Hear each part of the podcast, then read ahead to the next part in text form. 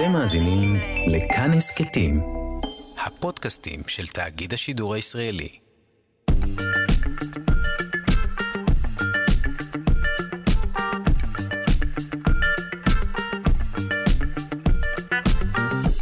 שלושה שיודעים.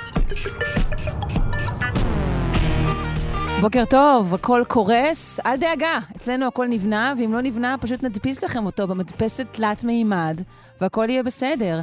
Uh, אתם על שלושה שיודעים, uh, המגזין שצף מעל לפני השטח. היום uh, נהיה כאן עם הדפסת איברים ועם אבחון מחלות בחלל, וכל מה שבאמת חשוב לכם. העורך שלנו רז חסון, המפיקות אלכס לויקר ואודל זייט, על הביצוע הטכני אלון מקלר, אני שרון קנטור, ואני חושבת שללא שמץ של דיחוי, אנחנו נתחיל.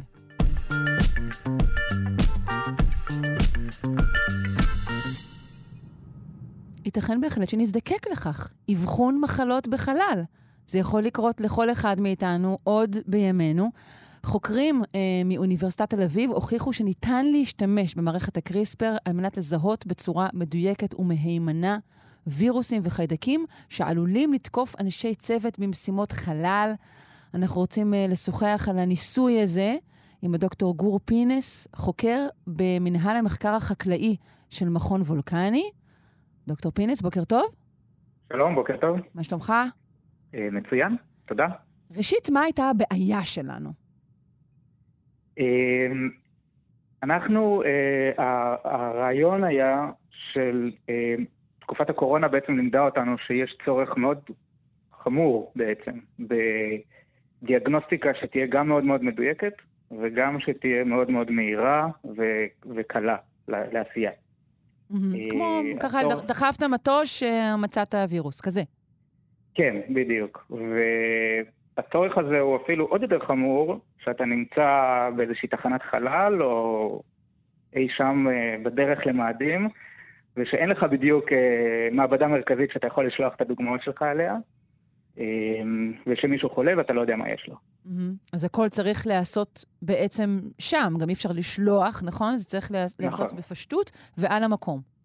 נכון, בדיוק. אז אנחנו, הרעיון הוא שכדאי להשתמש בטכנולוגיה שאפשר יהיה לעשות את הבדיקה מאוד מאוד מהר, ובלי יותר מדי מכשירים מסובכים שיכולים להתקלקל, שלא יהיה איך להחליף, כן, או לתקן, mm-hmm.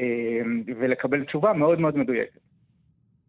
אז בעצם הרעיון היה לשלב בין, אם אנחנו, שוב, אנחנו חוזרים לתקופת הקורונה, שאולי עוד חוזרת, אנחנו לא יודעים, אבל אנחנו רוצים לקחת בעצם את הדיוק של הבדיקת PCR, ולשלב אותה עם המהירות והקלות של הבדיקה הביתית, שאומנם היא מהירה, אבל היא קצת פחות מדויקת מהבדיקת PCR. אז לקחת את הטוב משני העולמות. אוקיי. Okay. ובעצם מה עשיתם? אז אנחנו משתמשים בטכנולוגיה שפותחה ב-2018, לא על ידינו, והיא מבוססת קריספר. עכשיו, אני יודע שדיברתם על קריספר בתוכנית כבר נכון, כמה פעמים. נכון, זאת, זאת, זאת בעצם אה, קשור לעריכה גנטית. אנחנו לא, לא, כרגע לא מצליחים להבין את הקשר בין קריספר לבין מה שאתה מספר עליו. כן, אז, אז, אז נכון שקריספר, ה-claim to fame שלו, אה, באמת אה, זה עריכה גנומית, אה, אבל אפשר להשתמש בקריספר לעוד כל מיני דברים. בגדול מה שקריספר עושה זה, הוא חותך DNA. והוא חותך DNA בצורה מאוד מאוד ספציפית. אנחנו מתכנתים אותו לחנות, לחתוך בנקודה מסוימת לפי הרצף הספציפי שאליו אנחנו מכוונים. אז בשביל עריכה גנומית, מה שאנחנו גם עושים אצלי במעבדה, אנחנו משתמשים באנזים של קריספר שנקרא Cas9, אבל יש הרבה סוגי מערכות קריספר. זה בעצם מערכת חיסון חיידקית, שכל חיידק הוא טיפה שונה והמערכות הן טיפה שונות. אז בשביל דיאגנוסטיקה אנחנו משתמשים באנזים שנקרא Cas12, שהיתרון שלו לדיאגנוסטיקה זה שהוא עובד בדיוק כמו Cas9, הוא חותך לפי התכנות שאנחנו מתכנתים אותו, אבל אז הוא מקבל תכונה נוספת, שזה לחתוך DNA חד גדילי באופן לא ספציפי. אם אנחנו נחזור אחורה רגע למק... למקור, אז בעצם זה עוד שכבת הגנה נגד וירוסים שיש לחיידקים, כי DNA חד גדילי לא אמור להיות באופן טבעי בשום תא, mm-hmm. ואנחנו יכולים להשתמש בזה בתור דיאגנוסטיקה, כי אנחנו בעצם מוסיפים למבחינה שלנו DNA חד גדילי, שהוא בעצם מסמן כמו, משמש כמו מין סמן כזה, שברגע שכת 12 מזהה את ה-DNA שאנחנו רוצים לזהות, הוא מתחיל לחתוך את הסמן הזה ומשחרר אור פלורוסנטי, שזה דבר שאנחנו יכולים למדוד ולכמת. אוקיי, mm, okay, הבנתי. Uh, הניסוי הזה בעצם בוצע כבר בחלל, נכון? על ידי נכון. איתן סטיבה? כן. אז uh, איתן uh, לקח איתו בעצם uh, לתחנת החלל את הניסוי שלה, שלנו, שהניסוי בעצם uh, uh, התמצא בשתי צלחות קטנות של כמה סנטימטרים, שבכל צלחת uh, יש 96 באריות קטנות. אה, ובכל בארית זה בעצם ניסוי. אה, מכיוון שזו פעם ראשונה שבודקים את הטכנולוגיה הזאת בתחנה, במיקרו כבידה, אה, וריאקציות אנזימטיות הן קצת טריקיות, אי אפשר לדעת אם הן עובדות במיקרו כבידה או לא עד שלא בודקים אותן. Mm-hmm. אז היינו צריכים לפרק את הניסוי לגורמיו ולבדוק כל, כל שלב בנפרד וביחד ועם כל הביקורות הנדרשות. ואיתן פשוט, כן, הוא ביצע את הניסוי בתחנה. אמ, וראינו אותו עושה את זה בלייב, שזה היה אה, מאוד נחמד. אני, להבנתי זו פעם ראשונה שיש אה, פיד אה, אה, ישיר בשידור חי מתחנת חלל למדינת ישראל, שזה גם איזשהו מיילסטון אה, רציני, אה, והניסוי הצליח. אה, אז אנחנו יכולים להגיד היום שבעצם הטכנולוגיה הזאת אה, עובדת אה, במיקרו כבידה, שזה פותח את הדלת ל, ל, ל, פיתוח וייצור של בעצם אה, קיטים דיאגנוסטיים אה, לאסטרונאוטים, להם, לחקלאות חלל שהם יבצעו מתישהו בקרוב. אה, וכולי. אבל אפילו בכבידה רגילה בעצם לא משתמשים במערכות כאלו. כן, אז, אז האמת, הטכנולוגיה, יש הרבה טכנולוגיות זיהוי. בטכנולוגיית זיהוי הזאת כבר הם קיבלו אישור מה-FDA האמריקאי לבדיקות קורונה. אה, יש מקומות בארצות הברית שמשתמשים בטכנולוגיה הזאת. אה, כן, ואנחנו מיישמים את הטכנולוגיה הזאת פה במכון וולקני אה, לזיהוי של וירוסים של צמחים, לזיהוי מזיקים בחקלאות, שלפעמים קשה לזהות, בחרקים מסוימים קשה לזהות עם איזה סוג של חרק זה ברמה של הזחל. למשל, שכל הזחלים נראים אותו דבר, אבל אחר כך זה מאוד קשה, מאוד חשוב לדעת אם זה זבוב מסוג א' או זבוב מסוג ב', כי זבוב מסוג א' לא מזיק וזבוב מסוג ב' כן מזיק, uh-huh. אז אנחנו יכולים לעשות את זה אה, ממש אה, בקלות ובמהירות. אז זה כבר בשימוש בעצם. ו... זה בפיתוח. בפיתוח, אה, אוקיי. אנחנו, כן, אנחנו עדיין מפתחים, אבל אה, זה, זה עובד. זה עובד גם בכדור הארץ וזה עובד גם במיקרו כבידה. וזו טכנולוגיה מאוד, אה, מאוד מעניינת ומאוד מבטיחה, אה, כן. לדעתי.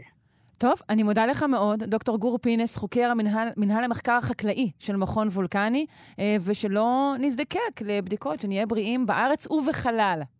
תודה רבה, אני רק רוצה לציין, כן. לתת קצת קרדיט. בטח, רוץ עם הקרדיטים. כן, אז המחקר נעשה ביחד בשיתוף עם דוקטור דודו בורשטיין מאוניברסיטת תל אביב. עם uh, הדוקטורנט המשותף שלנו, uh, דן אלון, ועמיתת המחקר uh, קארין מיטלמן. ואני רוצה ממש להודות גם לאיתן סטיבה ולקרן רמון ולמשימת רקיע, שנתנו לנו את ההזדמנות לעשות את הניסוי בתחנת החלל. תודה לכולם. בוקר טוב. תודה רבה. בוקר טוב, להתראות.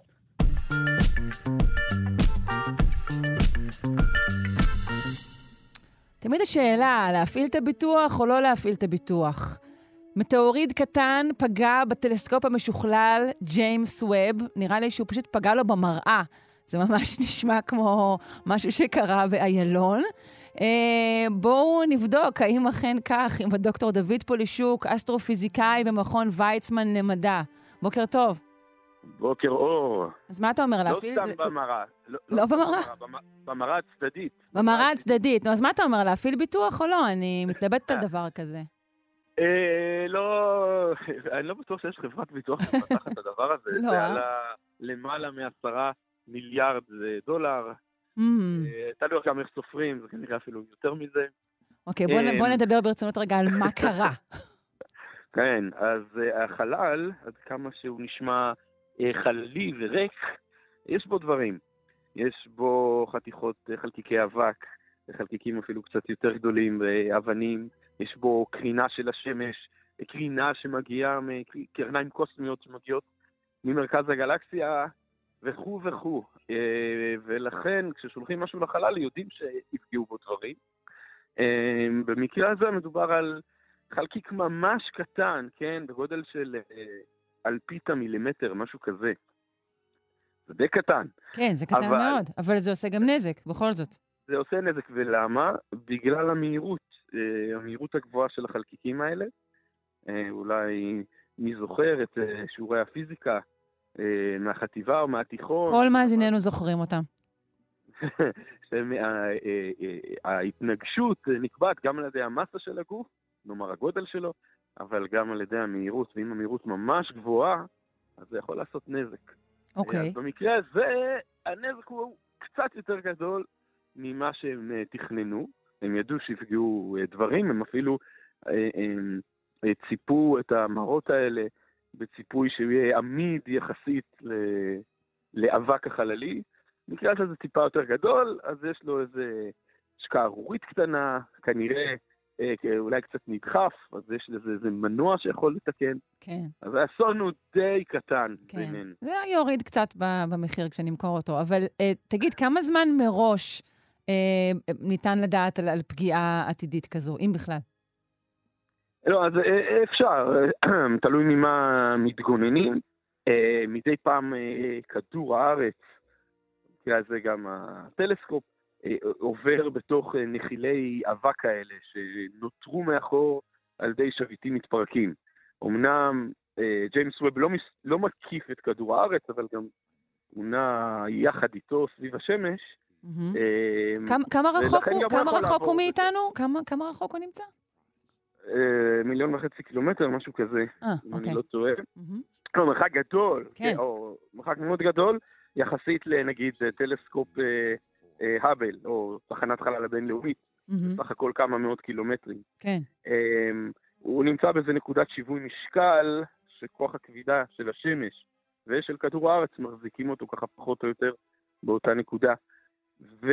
אבל גם שם עוברים נחילי אבק, אז הם אם הם יודעים על הנחילי האבק האלה מראש, הם יכולים לסובב את המראה, ככה שהוא יפגע בפגוש, נאמר. כן. והפגוש ו... מוגן יותר? אה, לא, פשוט לא אכפת לנו, לצורך העניין, או פחות אכפת לנו. בטלסקופים בכלל, האופטיקה של אה, טלסקופים, נגיד המעות או כל מיני עדשות, מאוד מאוד חשוב לנו שזה יהיה כמה שיותר מדויק. אה, תחשבי פה שמדובר ב...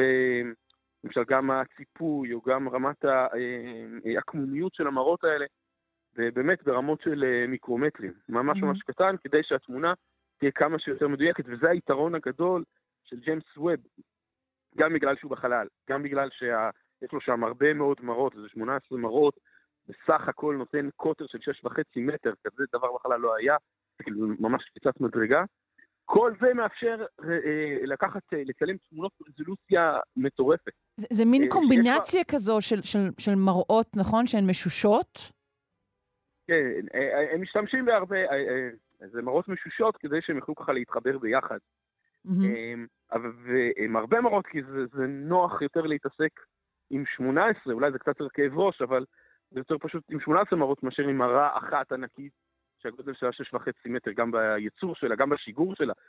אי אפשר לשגר שישה, אה, מראה של שישה וחצי מטר, אה, אין לנו כלי קיבול mm-hmm. כזה. כן. אז הטלסקופ הזה היה, כל השמונה עשרה האלה היו מקופלות ונפתחו בחלל, והיה חשש גדול אם זה יצליח, אבל זה כנראה הצליח. אז עוד השינוי הקטן הזה לא יעשה שינוי גדול, אולי טיפונת, באמת, ברזולוציה הנפלאה, או טיפה בפוקוס, אבל לא יותר, הם טוענים שהם שזה יהיה, אה, הטלסקופ יעבוד כמקודם. אוקיי, עד, עד, כמה, עד כמה ריאלי ש, שהוא יספוג בעתיד גם פגיעה גדולה יותר? ככל uh, שאת עולה לחלקיקים יותר ויותר גדולים בחלל, המספר שלהם הולך ויורד, אה, אקספוננציאלית, מילה שאנחנו מכירים עכשיו, mm-hmm. ולכן הסיכוי, נאמר, אמרתי מיקרומטר, אז סיכוי למילימטר הוא ממש ממש אפסי. אה, את יודעת. אה, never say never, כמובן, כמובן, בטח. אבל אה, אני אזכיר פה שהטלסקופ הזה אמור לשרת אותנו כעשר שנים. אז פשוט מערכות הקירור שלו, נוזל הקירור, יש לו גם נוזל קירור. אהבתי, את רואה, אנחנו הולכים עם כן, לגמרי. האלגוריה הזאת עד הסוף. אז הוא רק עשר שנים וזה הכל, ואז הנוזל קיבוץ שלו ייגמר, והוא כבר לא יוכל לצלם תמונות באינפרה אדום, אה, או לפחות... זה לא דבר שאפשר להחליף, להשמיש מחדש, למלא. אה, בעיקרון כן, אבל לא במקרה הזה, בגלל שהטלסקופ כזכור נמצא מאוד רחוק מאיתנו. כבר יהיה יותר פשוט לשלוח אחד חדש, כן. אה, וזה סיכון שהם לקחו, הם אמרו, טוב, בניגוד להאבל, טלסקופ החלל האבל, שמו אותו במסלול סביב כדור הארץ, ובאמת שלחו אסטרונאוטים לתקן אותו. נכון. מדי מהמם. וג'יימס ווב לא, ג'יימס ווב אמרו, טוב, שולחים אותו רחוק, לא נראה אותו, יש לנו... לא נראה אותו יותר, הוא פשוט יישאר דבר." שם. כן, רק... זבל חללי אה, שכזה. אוקיי. כן. Mm. ואני רק אוסיף שממש בקרוב, ביולי הקרוב, תמונות ראשונות אה, אה, יתחילו להגיע. עד עכשיו יש כל מיני תמונות קיול, וממש מרשים. זה מאוד. מרשים. התמונות מרשימות מאוד. השוואה בין תמונות, נאמר, של טלסקופים קודמים, מדור קודם, לג'יימס ווב, את רואה את החדות והצלילות של התמונות, ואפשר ללמוד מהם הרבה יותר. זה נכון, ונקווה שאכן אה, הפגיעה לא, לא תפגע בהן, בטח לא למשהו שאנחנו נוכל להבחין בו. אה, תודה רבה לך. כנראה שלא. אה, כן, כנראה שלא. אה, בסדר, אבל ככה טיפה דאגנו על הבוקר, בכל זאת זו המחויבות שלנו למאזינים. אה, אני מאוד מודה לך, דוקטור דוד פולישוק, אסטרופיזיקאי המכון ויצמן למדע. בוקר תודה טוב. רבה, שרון. ביי. טוב.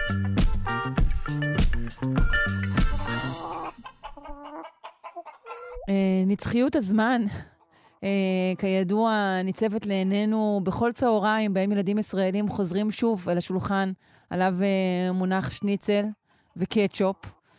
אך מסתבר שהדבר הזה לא היה מאז ומעולם. מחקר חדש קובע שהתרנגולות בויתו מאוחר יותר משחשבנו עד עכשיו, והחוקרים השתמשו במשהו שנקרא תיארוך פחמן. מעניין על מה מדובר. בואו נפנה לדוקטור לידר ספיר חן, ראש המעבדה לארכיז... ארכיאוזיאולוגיה. וואו, זו מילה ארוכה.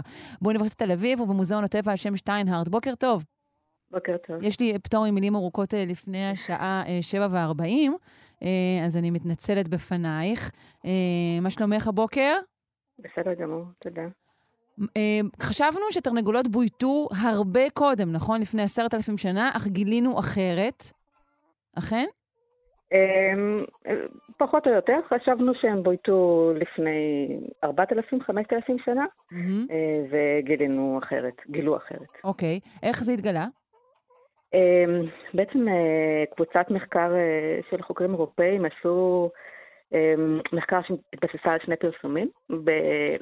באחד, הם תיארכו עצמות של תרנגולים מחפירות שונות מאירופה, בשביל לוודא את התאריך של ההגעה של התרנגול לשם, כי התרנגול הבר הוא לא מין שהיה אה, באירופה לפני כן. ובשני הם עשו סקירה של כל מה שפורסם אי פעם, ויש בו תיעוד של עצמות תרנגול, והם העריכו מחדש את הנכונות של התיעוד הזה, כדי להעריך אם מדובר באמת בעצמות של תרנגול, ובאמת מדובר בתרנגול מבוית ולא בר, והם ניסו להגיע להבנה מתי אנחנו רואים את ההוכחה הכי מוקדמת לביות שלו. אז זהו תיארוך הפחמן? אה, כן, תיארוך פחמן 14. עשו אותו על חלק מהעצמות, לא על כולן, אבל אה, מהמם. בואי נשוחח מעט על התרנגולות. מאיפה הגיעו אלינו יצורים חביבים אלו? גילוי נאות, אני מגדלת תרנגולות, תרנגולות חופש, מאוד אוהבת אותן. אז אני אשמח לשמוע עליהן יותר. אה, הטענה של המאמר הזה הוא שהתרנגול המבוית הכי מוקדם מופיע באתר בצפון תאילנד, אה, בערך 1650 עד 1200 לפני הספירה. אמ, ומצאו באתר הזה הרבה מאוד פרטים מאוד צעירים של תרנגול, שזה מעיד על הביות שלו, כי זה מעיד על כך שהם בעצם בקעו באתר, ולא רק נאספו מהסביבה. אה, וגם התרנגולים האלה נמצאו כמנחות קבורה, זאת אומרת, קברו אותם שלמים יחד עם קבורות אדם שם, ויחד עם עוד בעלי חיים מבויתים. היה להם ערך סימבולי מאוד חשוב. זאת אומרת, לא, לא. ביטרו אותם ולא אכלו אותם. אלא, לא, לא אכלו אותם. ממש לא.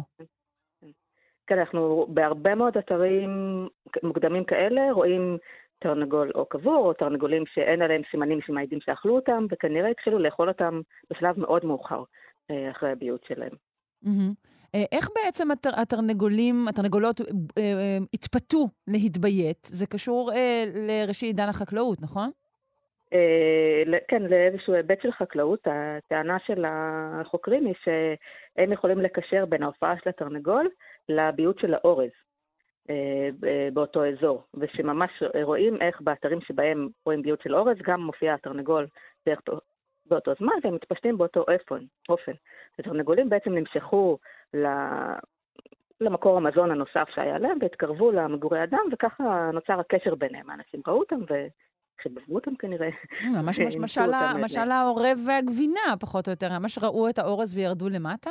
מהעצים, הם היו על עצים גבוהים, נכון? אה, הם היו על עצים גבוהים, נכון. לפני הם היו על עצים, כן. אוקיי. טוב, חבל בשבילם. ומתי בעצם החל האדם לאכול את התרנגולות?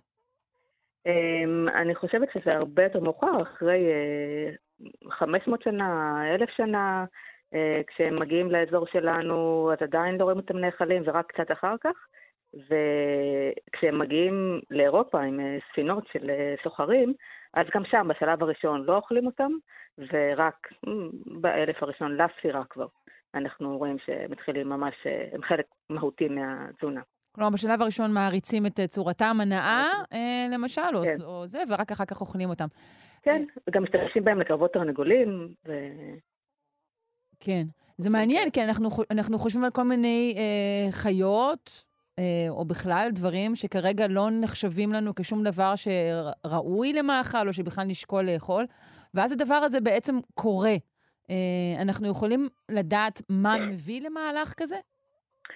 אה, סביר להניח שבשלב הראשון הם הריצו את בעלי החיים האלה, כי הם נראו להם איזה משהו, איזה בעל חיים אקזוטי, יוצא דופן, נושא איתו כל מיני תכונות. אנחנו יודעים למשל שבכל מיני תרבויות לתרנגול היה ערך אה, סמלי כלשהו, למשל אה, אצל הרומים הוא היה סגולה ונבואה להצלחה בקרב לפי הקרקור שלו, ואצל הזרואסטרים הוא חלק מהמאבק בין החשיכה והאור, אומרת, יש לו המון משמעויות סמליות, וברגע שהחיה היא כבר לא אקזוטית והיא חלק מהחיי היום-יום, יכול להיות שהמעמד שלה ירד והיה אפשר להרשות לעצמם לאכול אותה. Hmm, כלומר, ברגע שיש אולי יותר פרטים ממנה, כן. או שהאמונה משתנית. כן, בדיוק. אז בעצם התפיסה שלה משתנה, והאדם כבר רואה בעצם משהו סמלי ויוצא דופן ומיוחד. זה מעמיד באור שמסכן אולי את חיות המחמד שלנו, אבל אני רוצה, לחשוב, נכון.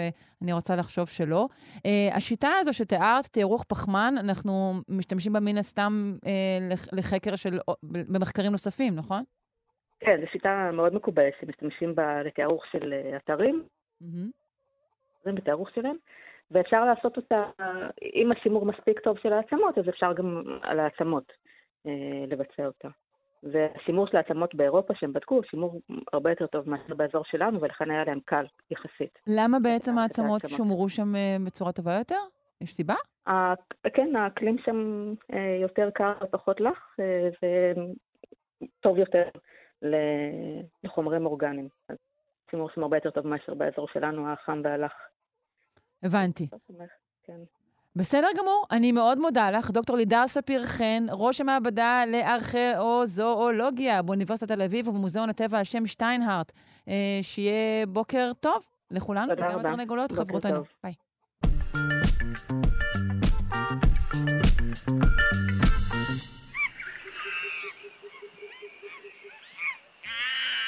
מה זה? ההיסטוריה של הפרה-היסטוריה. עם הדוקטור אלון ברש, מומחה לאנטומיה ואבולוציה של האדם מהפקולטה לרפואה על שם עזריאלי באוניברסיטת בר אילן. בוקר טוב. בוקר טוב, בוקר טוב. האם אה, נשמע היום על הקוף האוסטרלי? האם נדע מהו מוצא האדם? אה, סוג של, סוג של, אה, כי באמת אנחנו נדבר היום על האוסטרלופיטקים. בוודאי. אוסטרליה זה דרום בעצם, המשמעות שלהם באוסטרליה זה דרום, ופיטקוס זה קוף. אנחנו מדברים על הקוף הדרומי, שאומנם אה, יש לו שם אוסטרלי, אבל הוא התגלה בכלל אה, באפריקה. אז למה יש לו שם אוסטרלי? אה, כי הבן אדם שגילה אותו, ריימונד דארט, ככה החליט לקרוא לו, כי אממ. הוא היה בדרום אפריקה, ודרום זה אוסטרליה. אוסטרליה קיבלה את השם שלה פשוט כי זה דרום. אוקיי, אז אנחנו, אנחנו חוזרים אחורה ל-1924, נכון? אכן כן, אכן כן. באמת, לפעמים הסיפורים הקטנים האלה זה, זה, זה משהו, אותי לפחות נורא נורא מעניין. אז ריימונד דארט, שהוא יליד אוסטרליה בכלל, אה, בלית ברירה שלחו אותו להיות אה, מקים האוניברסיטה הראשונה ביוהנסבורג, פקולטה לרפואה, נשלח כאיש צעיר ללמד אנטומיה, כמו שאני היום מלמד אנטומיה. והסטודנטית הראשונה שלו, והוא התעקש לקחת גם נשים כסטודנטיות, בילתה אצל החברים, ובעצם ראתה איזה גולגולת שמונחת על איזשהו מדף שם, גולגולת של קוף. גולגולת שאתה מונחת לנוי, לצורך העניין. כן, לגמרי, מצאנו גולגולת, שמנו אותה מעל הקמין שלנו כדי שנהנה ממנה, למה לא? רק שזאת הייתה גולגולת מאובנת, והיא כמובן רצה מיד לפרופסור שלה, כמו שאני מקווה שהסטודנטים שלי גם עושים. בוודאי, כל פעם שהם רואים גולגולת על מדף, הם רצים אליך. כמובן, חובה, אחרת הם לא יהיו סטודנטים. והוא התעניין מאוד, הגולגולת הייתה גולגולת של בבון, אבל הוא התחיל לברר מאיפה הגיעה הגולגולת הזאת, וביקש... רגע, היו לה מאפיינים ייחודיים? משהו תפס את העין? הגולגולת הזאת לא, אבל הוא ביקש שיביאו לו עוד ועוד גולגלות מאוד, מאותו מקום, ובאמת אחת מהגולגלות האלה שהביאו אליו מאזור שנקרא טאונג, שנמצא כמה מאות קילומטרים בעצם מערבית ליוהנסבורג, הייתה גולגולת מאוד ייחודית, באמת אה, משהו שתפס את עיניו. קודם כל זאת הייתה גולגולת של ילד, ילד קטן, בערך בן שלוש או ארבע. אה, אבל פרט אחד שהיה מאוד מאוד חשוב, של ילד, אתה אומר. ילד, ממש ילד. אוקיי. חלב בוקעות החוצה, מאוד, מאוד מרשים, באמת גולגולת בכלל מרשימה ביותר. ואחד המאפיינים באמת זה שמה שנקרא הפורמן מגנום, זה פתח שנמצא בחלק התחתון של בסיס הגולגולת של כולנו, של כל בעלי החיים כמעט, ולשם מתחבר עמוד השדרה. אה, בילד הזה מטעונג, הפתח הזה היה מופנה כלפי מטה. וזה היה מאוד מאוד ייחודי ומאוד מאוד חשוב. כי אצל כל מי שהולך על ארבע, הפתח הזה נמצא בחלק האחורי של הגולגולת. כי עמוד השדרה הולך אחורנית. כי כל הגוף הולך מקדימה אחורה. כן. אם אנחנו הולכים על שתי רגליים, אותו פתח יפנה כלפי מטה. מכיוון שאנחנו, עמוד השדרה שלנו יורד כלפי מטה ולא הולך אחורנית. אוקיי. Okay. כמו שאמרתי, דארט היה באמת אנטומיסט אה, ששם לב לפרטים הקטנים, והוא מיד זיהה שמדובר פה אמנם בקוף, כל המאפיינים... אה, לא ילד, ילד של קוף.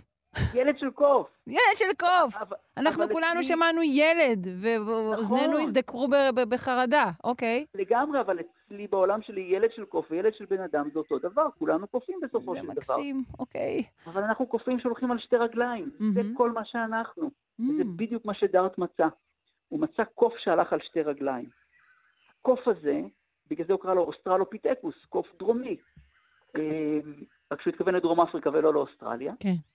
וכמובן שבקהילה המדעית זרקו אותו מכל המדרגות. אה, כי מה פתאום קוף שהולך על שתי רגליים? השתגעת, מה פתאום? כל הראש. Uh-huh.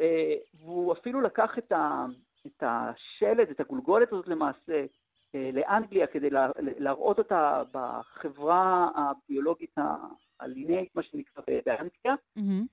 הוא נסע איתה במונית ושכח את הגולגולת במונית, מרוב בלבול. קורה לכולנו. אם היה, קורה לכולנו. אם היה זוכר לקחת uh, חשבונית, הוא היה יכול ליצור קשר. בדיוק. ו... אז באמת הוא התחיל לרוץ אחרי המונית, תפס אותה, ולקח חזרה את הגולגולת, ומזל, כי אחרת uh, מי יודע איפה היינו היום. רגע, אבל, uh, אבל אני מניחה, לרוב כשמגלים דבר כזה, אני, אני רוצה לחשוב שאולי יתגלו עוד. אז, אז באמת, הגילוי הזה בשנת 24, הוא פורסם בשנת 25, בעיתון שעד היום הוא אחד העיתונים הכי טובים בעולם, Nature. אמ, אני, בהתחלה באמת לא, לא כל כך האמינו, אבל לאט לאט בשנות ה-20, בשנות ה-30, בשנות ה-40, בעיקר בדרום, אפר, בדרום אפריקה מצאו עוד ועוד מאובנים, וזה הפך להיות כבר ברור מאליו שמדובר פה במין מאוד מאוד קדום של אדם קדום, כן? שכל מה שאנחנו רואים בו, המאפיין העיקרי, ורואים את זה אחר כך לאורך כל השלד, נמצאו גם שלדים שלמים, זה קוף שהלך על שתי רגליים.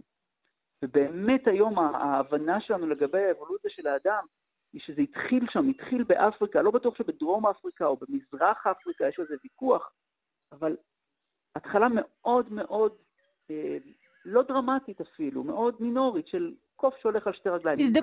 כן, מזדקף על שתי רגליים. כן. זה הכל, ורואים את זה, רואים את זה בגולגולת, ורואים את זה בעמוד השדרה, ורואים את זה באגן, ורואים את זה ברגליים. אבל עדיין זה משהו מאוד מאוד קטן ומאוד מאוד, אה, אה, אה, אני אומר מינורי יחסית למה שאנחנו מצפים, כי פעם הייתה התחושה שהזדקסנו על שתי רגליים כדי שנשחרר את הידיים לעשות כלים מתוחכמים, כן. אבל זה לא מה שקרה. פשוט נעמדנו על שתי רגליים, בלי שום קשר לנפח המוח שלנו, שנשאר עדיין נפח מוח קופי לחלוטין. מה זאת אומרת? אבל זה לא קשור לשחרור של הידיים? ממש לא. ממש לא. בעיקר נעמדנו על שתי רגליים, כנראה, אנחנו לא יודעים, כי לא היינו שם, כי כשאתה עומד על שתי רגליים אתה יכול להסתכל יותר רחוק ולראות אם מישהו בא לאכול אותך. סיבה טובה. התחלות מאוד קטנות. וכנראה שיש עוד סיבות. אה, ואתה אומר, והידיים ותפקידיהם באו אחר כך, ולא היו המניע. אה, אה, אנחנו יודעים היום שהפיצול שלנו מתוך הקופים, באמת, אותו תהליך ראשוני של הליכה או עמידה על שתי רגליים, התחיל בערך לפני שישה מיליון שנים, פלוס מינוס בערך. Mm-hmm. נפח המוח התחיל לגדול רק בערך לפני שניים, שניים וחצי מיליון שנים. אז היו מיליוני שנים שהיינו בעצם עם נפח מוח של קוף, אבל כבר היינו זקופים? לגמרי. אוקיי. Okay. האם היה רק מין אחד או היו מינים שונים? אז של הקוף האוסטרלי. שבאמת, כמו שאנחנו אומרים באבולוציה, הרי זה לא סולם, זה עץ שיש לו הרבה מאוד ענפים. כן. בתוך הענף הזה של האוסטרלופיטקים אנחנו מכירים הרבה מאוד מינים, אנחנו מתווכחים בינינו לבין עצמנו כמה מינים כאלה היו, אבל אנחנו נוטים לקרוא להם מה שנקרא האוסטרלופיטקים המגושמים, הגדולים. מכיוון שלאט לאט אנחנו רואים איזשהו מעבר מיצור שהוא נגיד כמו שימפנזה כזה, כללי קצת יותר קטן, אה, ליצור שהוא מכונת לעיסה מסיבית עם גולגולת מאוד מאוד גדולה, אה, שאכל כנראה, אה, היה צריך לפתח דברים קשים, והוא ענף צדדי בכלל, הוא בן דוד רחוק שלנו. עדיין קוף שהולך על שתי רגליים, אבל כבר עם אדפטציה, עם התאמה לאכילה של דברים מאוד מאוד קשים ומאוד מאוד מסוימים, והם לא קשורים אלינו. איזו אדפטציה זו? הם, רק נחשוב שאם אתה יכול לאכול, נגיד לפצח את הגוגויים של המישמיש, mm-hmm. ולאכול את התכולה שלהם, כן. אז אתה יכול לאכול משהו שמישהו אחר לא יכול לאכול. זה יתרון אבולוציוני. Mm-hmm. אז מה, זה אומר שיניים אחרות? גם שיניים אחרות וגם מבנה לסטות ומערכת לעיסה שהוא מאוד מסיבי ומאוד גדול ומותאם אה, אה, לאכילה של חומר צמחי, אבל מאוד מאוד קשה. Mm-hmm. אנחנו לא מצאנו בדיוק מה הם אכלו, אבל זאת התיאוריה. הבעיה כמובן שכשאתה אה, מתמחה בסוג מזון מאוד מסוים, אם אותו סוג מזון נעלם, אין לך מה לאכול יותר. ואנחנו משערים שזה מה שקרה, זה מה, זה מה שעלה למעשה בגורלם של האוסטרלופיטקים. הם היו כל אבל כך... אבל לנצח נוקיר להם תודה. בהחלט כן, בהחלט אה. כן, כי איפשהו בבסיס שלהם גם אנחנו אה, התפתחנו. ההיסטוריה של הפרה-היסטוריה עם דוקטור אלון ברש, מומחה לאנטומיה ואבולוציה של האדם, הפקולטה לרפואה על שם עזריאלי באוניברסיטת בר אילן. תודה רבה, בוקר טוב. תודה רבה, תודה.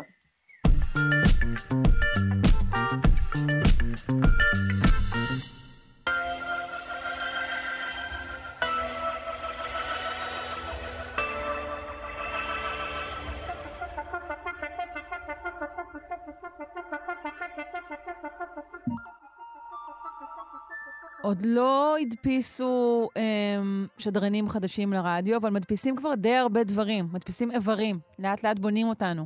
אה, אנחנו בפינת החדשנות ברפואה עם הדוקטור מיכל חמולות, אה, מנכ"לית אושייה ומומחית בחדשנות ועתידנות רפואית. בוקר טוב.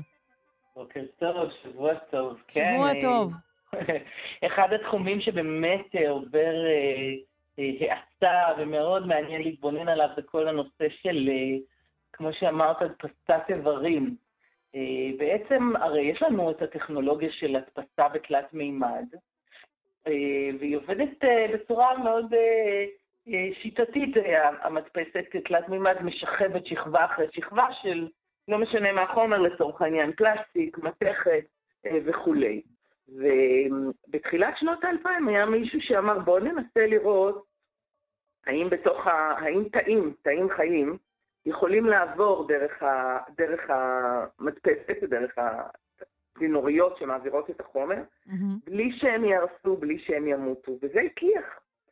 וזה פתח פתח לעולם חדש ושלם ומאוד מעניין של בעצם ביופרינטינג או הדפסה ביולוגית אה, של איברים. של, של רקמות בראש ובראשונה. נכון, של רקמות, ובאמת התחילו מרקמות ו- ושל איברים, אני רגע קיבצתי את שניהם ביחד. Mm-hmm. שפה אה, מדובר באמת על אחת הבעיות הרפואיות הכי כואבות של אנשים שממתינים לעיתים שנים רבות, לעיתים מאבדים את חייהם בתור לאיברים להשתלה, לרוב זה כליות, אבל מדובר באין ספור, כבד, ריאות, מה שאת רק רוצה.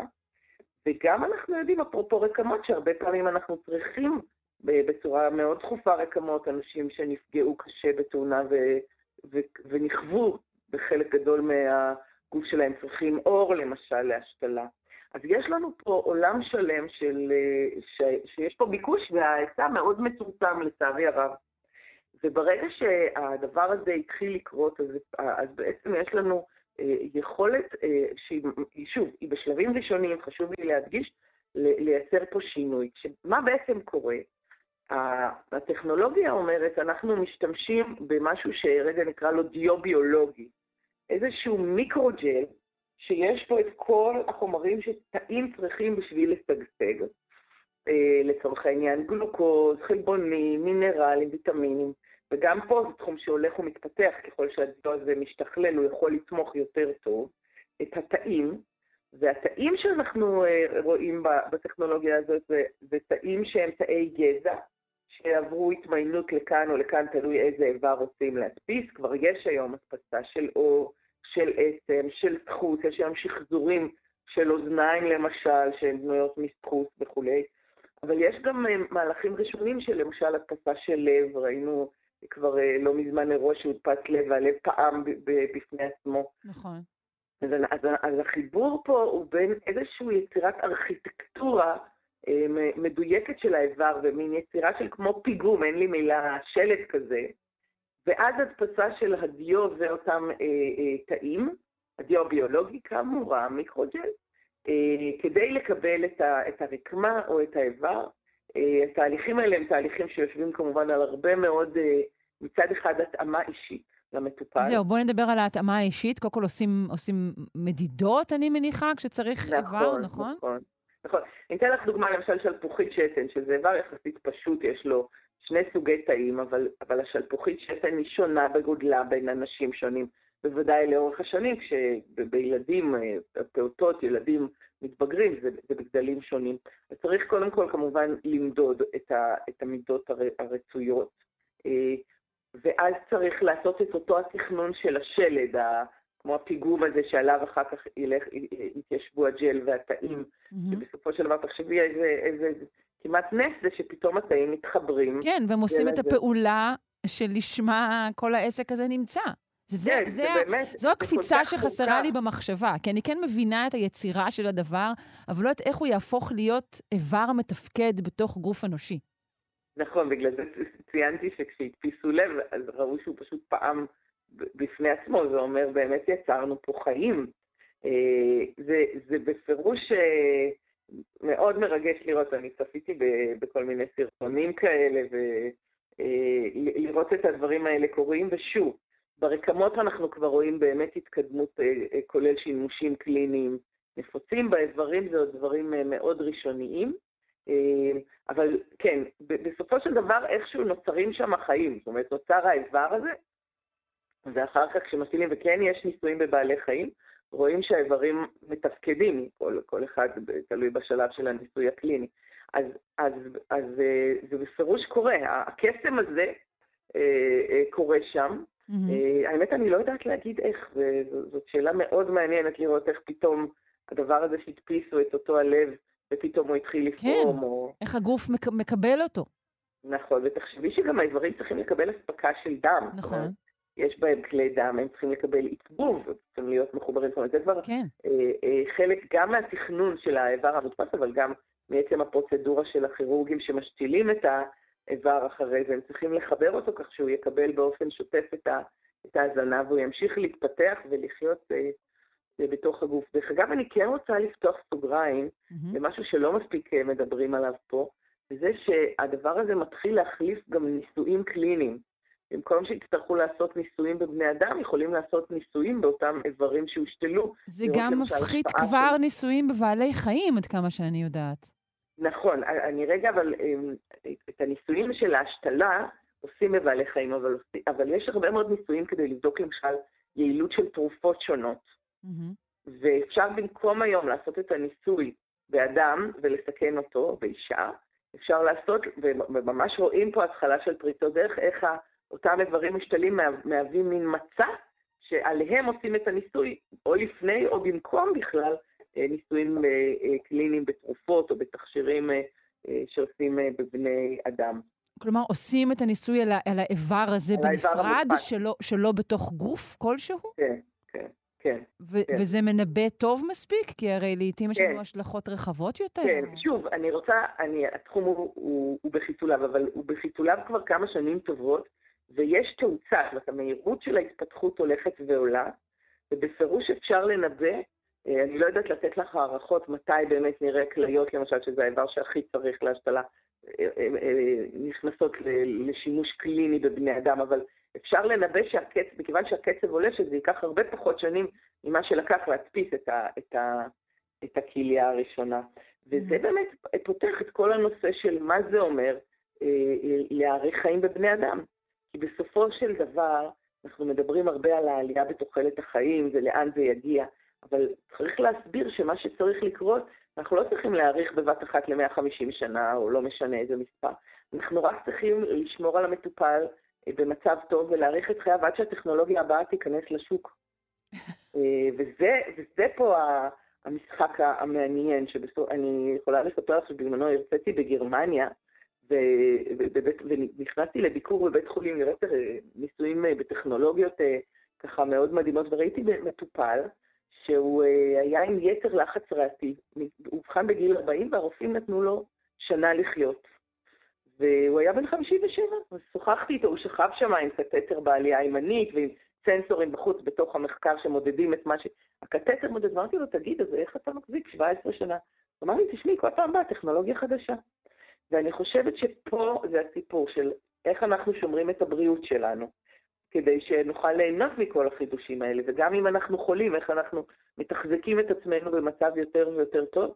כל הזמן מגיעות טכנולוגיות חדשות בקצב שהולך ומאיץ, ופה בפירוש כל הנדסת הרקמות הזאת זה ממש, אה, זה ביו-הקינג, אנחנו בפירוש אה, פורצים את, את הגבולות הביולוגיים של, של בני האדם. כן, רבים מאיתנו אפילו אומרים שאולי אם נחזיק מספיק, כבר נגיע לאותם חיי נצח שמדברים עליהם. Uh, בינתיים אני מבינה שיכול להיות שכבר בעשור uh, הבא, נגיד אם ניפצע, אפילו בבית אולי, אולי נוכל uh, uh, לטפל בעצמנו ברקמת אור קטנה. כן, בפירוש הסיפור של האור, תחשבי, זה בעצם האיבר הכי גדול. Mm-hmm. הוא, הוא פשוט, יש לו נפט בשטח פנים אדיר, כי הוא מכסה את כולנו. זה איבר שבסופו של דבר יודע להתחדש מאוד יפה. אנחנו, אנשים בריאים סוגרים פצועים בצורה מאוד יפה. יחד עם זה, במקרים של או פציעה שהיא גורמת לאובדן של שטח גדול, או אנשים עם בעיות, אה, אה, חולים סכרתיים למשל, פחות יפה, האור מתחדש, או אפילו עם הגיל, היכולת של האור לרפא את עצמו הולכת ויורדת עם הגיל. אה, אין מה לעשות, הרבה מאוד מהמנגנונים שעובדים טוב בגיל הצעיר מתחילים להשתבש עם הזקנה. אז בסופו של דבר היכולת למשל להשתמש בזה, כמובן האירועים הדרמטיים אה, לוכדים את התשומת לב, אה, כן, קביעה מפושטת, כל, אנחנו תמיד שומעים על הסיפורים האלה של ילד שנדלק או אסונות נוראים כאלה, אבל גם הדברים הקטנים האלה, כמו שאמרת, שאנחנו יכולים לזרז ריפוי פצע בבן אדם ש... יש לו פצעים קשי ריפוי על ידי, על ידי הדפסה של אור. ואני אתן לך עוד משהו חשוב, עוד זווית חשובה. הרבה פעמים כשמשתילים איברים או רקמות, יש לנו בעיה שהגוף דוחה את השתל. נכון. או השתל דוחה את הגוף, זה נקרא גרף ורסוס הוסט, או הוסט ורסוס גרף. וזאת ממש לסיים. מחלה, uh-huh. מחלת השתל. כן. ברגע שאנחנו מדפיסים את זה מתאי גזע שם של האדם עצמו, אפרופו אמרנו על בוא נדבר על התאמה אישית, אז התאמה אישית זה לא רק המדידות, זה גם ההתאמה בעצם הביולוגית. אנחנו עובדים עם תאים שהם תאי גזע של האדם עצמו. אין לנו דחיית איברים כן. ואין לנו איברים שדוחים מיכל, את ה... מיכל, אנחנו צריכות לסיים ממש כרגע. דוקטור מיכל חמו-לוטם, מנכ"לית אושייה, מומחית בחדשנות ועתידנות רפואית. אה, אני מודה לך. אולי נגיע לרגולציה של התחום בפינתנו הבאה.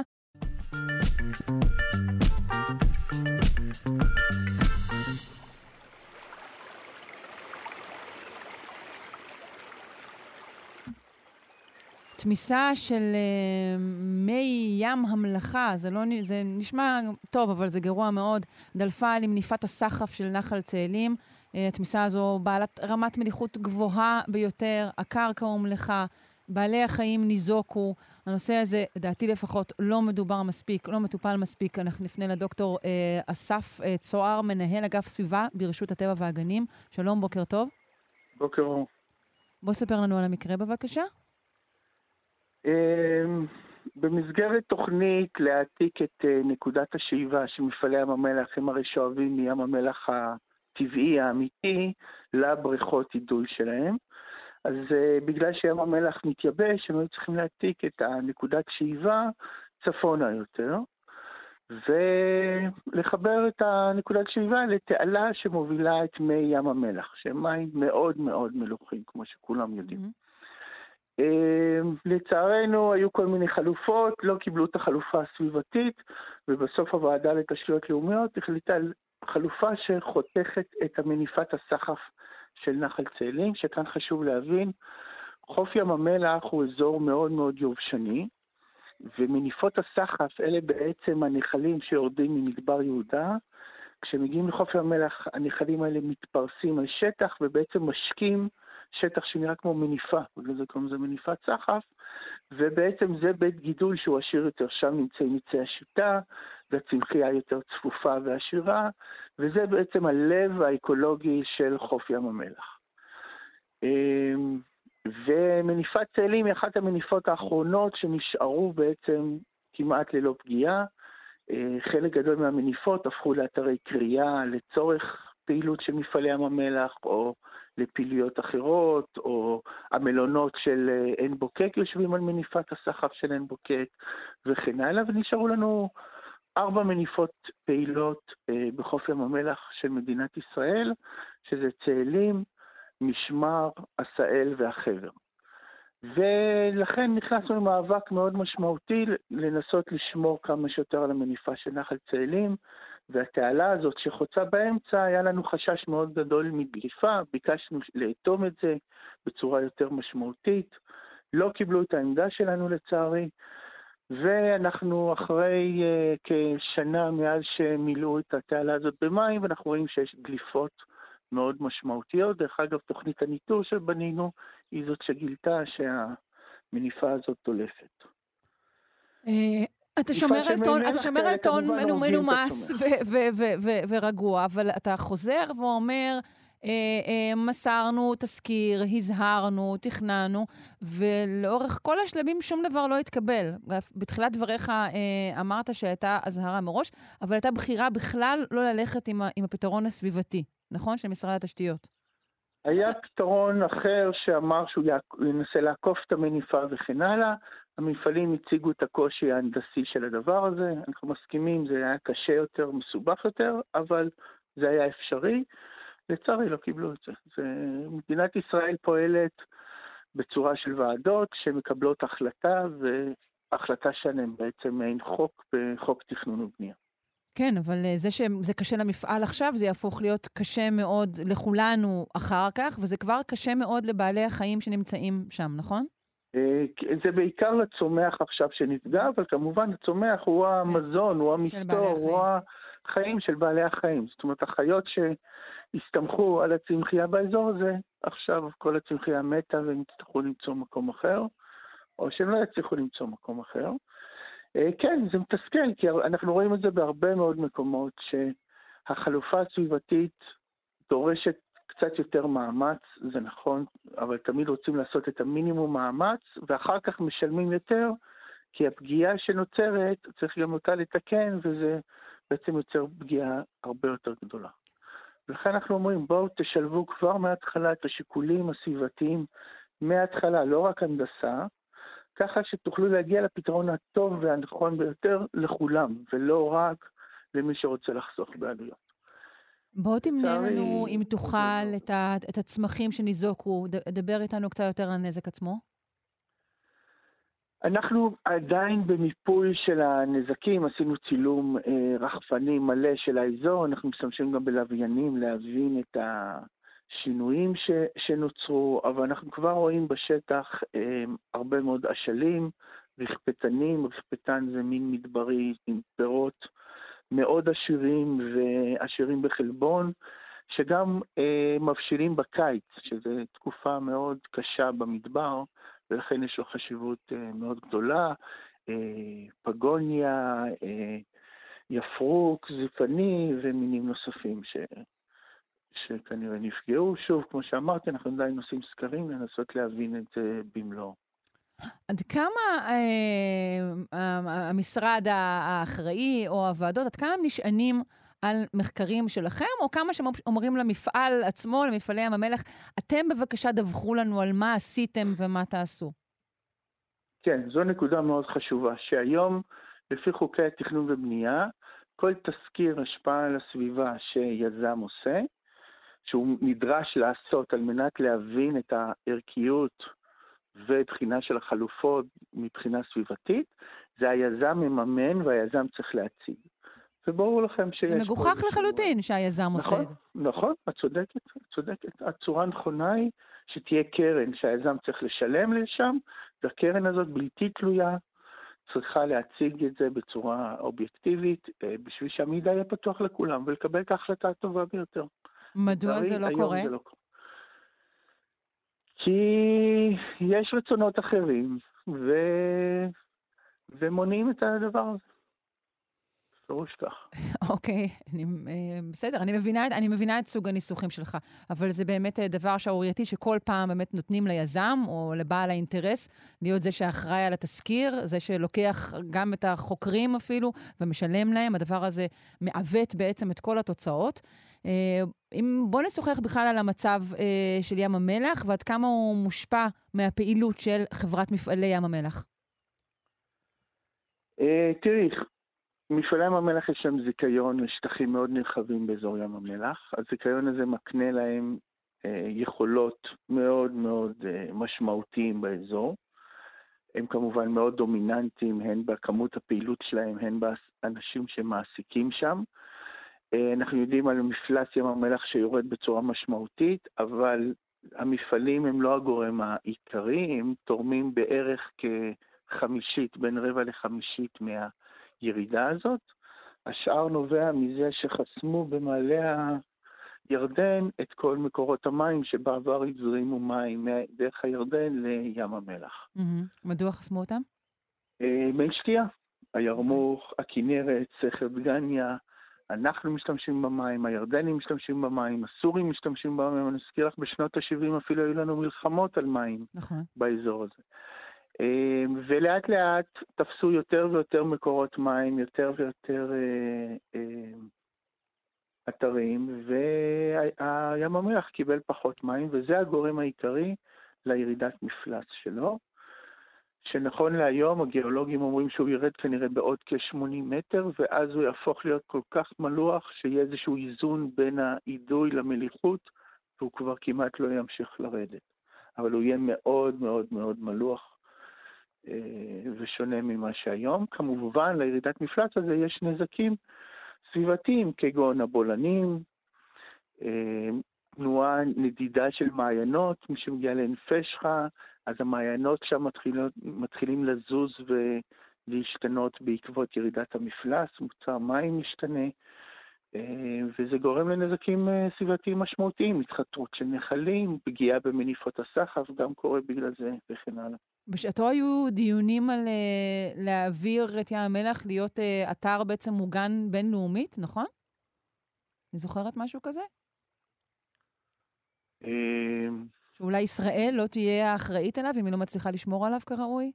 אבל יכול להיות שזה היה בדמיון שלי, אולי חלמתי את זה. אני לא מכיר דבר כזה. כן היה ניסיון להכיר בים המלח כאחד מפלאי עולם, וכן היה ניסיון, היו מספר ניסיונות בינלאומיים, אה, היה את התוכנית, מה שנקרא Red Dead, שזה כן. להביא מים מהים האדום לים, ה... לים המוות. אה, נכון לעכשיו, ככל שאני הבנתי, זה נפל, וגם הגיאולוגים מתריעים שאם יכניסו כמות גדולה מדי של מי ים מהר מדי, אה, זה עלול לשנות את המאזן הכימי בים המלח, וזה לא ברור בדיוק מה יהיו התוצאות של זה. נכון. ואם יכניסו מעט מדי, אז זה בעצם לא יעשה השפעה משמעותית. יש פה, ברגע שאנחנו מתחילים לשחק עם הדברים האלה, לתקן את זה כבר זה הרבה יותר מסובך. נכון, ולכן נחזור לתקלה הזו, אה, לדליפה של התמיסה של, של מי הים. מה כרגע, כרגע ממתינים בעצם לתזכיר של החברה ולתיקון? החברה הודיעה לשמחתנו הרבה שהם עוצרים את הזרמת המים במקטע הזה של התעלה.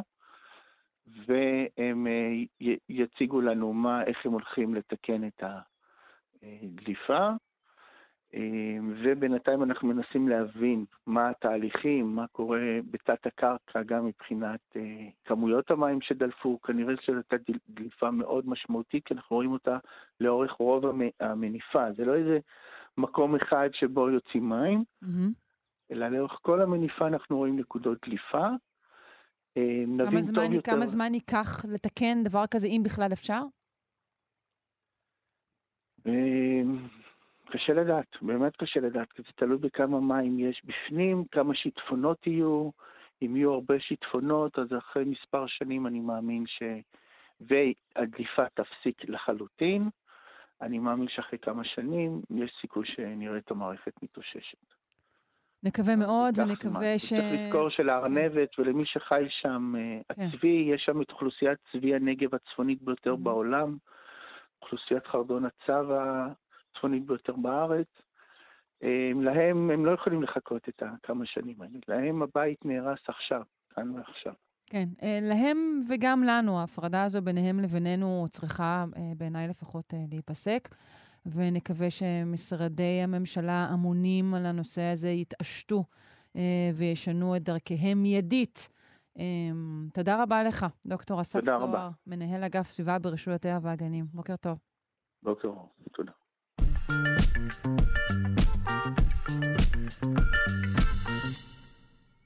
לצערי אנחנו ממשיכים עם uh, מינים בהכחדה. Uh, הספר האדום הוא לא איזשהו מכתם סוציאליסטי uh, חדש, אלא ספר שנועד לספק מידע על מיני בעלי חיים הנמצאים בסכנת הכחדה. אה, יותר משלושת אלפים מיני זוחלים לא הוערכו אה, אה, כהלכה, או שלא הוקצתה להם קטגוריה מתאימה. נפנה לדוקטור אורי רול מהמכון לחקר המדבר ובית הספר לקיימות ושינוי אקלים באוניברסיטת בן גוריון. בוקר טוב. בוקר טוב. ספר לנו על הספר האדום.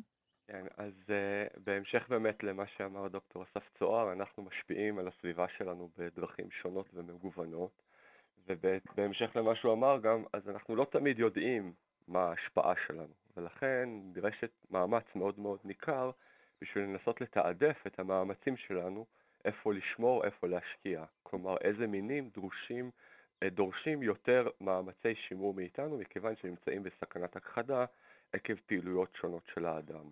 הספר האדום, בסופו של דבר, אה, מחלק את המינים השונים, בין אם זה מדינה ובין אם זה בעולם, לקטגוריות סיכון שונות, החל מכאלה שהם לא נתונים בסכנת הכחדה, וכלה בכאלה שנתונים בסכנת הכחדה חריפה. אה, בכל העולם נעשו מאמצים במהלך כבר איזה 30-40 שנה לנסות לקטלג בצורה מאוד מאוד אה, אה, ודאית ואינטנסיבית את קטגוריות הסיכון של מינים שונים של חיות וצמחים, אבל זו עבודה מאוד מאוד מאוד מורכבת וארוכה. בסופו של דבר, על כל מין בכל העולם יושבת ועדה שמנסה להבין איפה הוא נמצא, מה יכול להפריע לו, ומה הסיכוי שלו להיכחד או להשתקם. מאמצים כאלה אודות כ-11,000 מינים של זוחלי העולם נמשכו כ-18 שנה ונסתיימו לא מזמן. Mm-hmm. אבל... אני מניחה שחלק מהדברים שהתחלתם לעבוד עליהם לפני 18 שנה כבר uh, התעדכנו מאז, ולא ככה. בהכרח לטובה. אז, אז, אז את עולה פה בדיוק על נקודה מאוד חשובה. אז א', אה, החל מלפני 18 שנה העולם השתנה, ואם הערכתי מין לפני 18 שנה, אז היום יכול להיות שזה כבר לא רלוונטי. ב', אנחנו uh, יודעים שכ-200 מינים חדשים של זוחלים uh, מתגלים בכל שנה בעולם. כלומר, אנחנו עוד לא יודעים אפילו את כל המינים של הזוחלים. וג', גם אחרי שישבנו כוועדה ולצורך העניין אספנו את כל המידע שיש בידינו, אנחנו לא תמיד יודעים להגיד האם המין הוא בסיכון או לא בסיכון, ויש הרבה מינים שבסוף הוועדה הזאת מחליטים שאנחנו פשוט לא יודעים. ואז מתוך כ-11,000 המינים שהזכרתי קודם, בערך כ-3,000 מינים, בין 2,000 ל-3,000, למרות שניסינו להעריך אותם, אנחנו לא בהכרח הצלחנו. ופה mm-hmm. נכנסת באמת העבודה החדשה שלנו שהתפרסמה לאחרונה, שניסתה להשתמש בקיצורי דרך בשביל לנסות לדעת לגבי אותם מינים שאנחנו בניסיונות מסוימים, אה, נקרא לזה ידניים, לא הצלחנו להעריך אותם, האם אפשר למצוא קיצורי דרך אוטומטיים.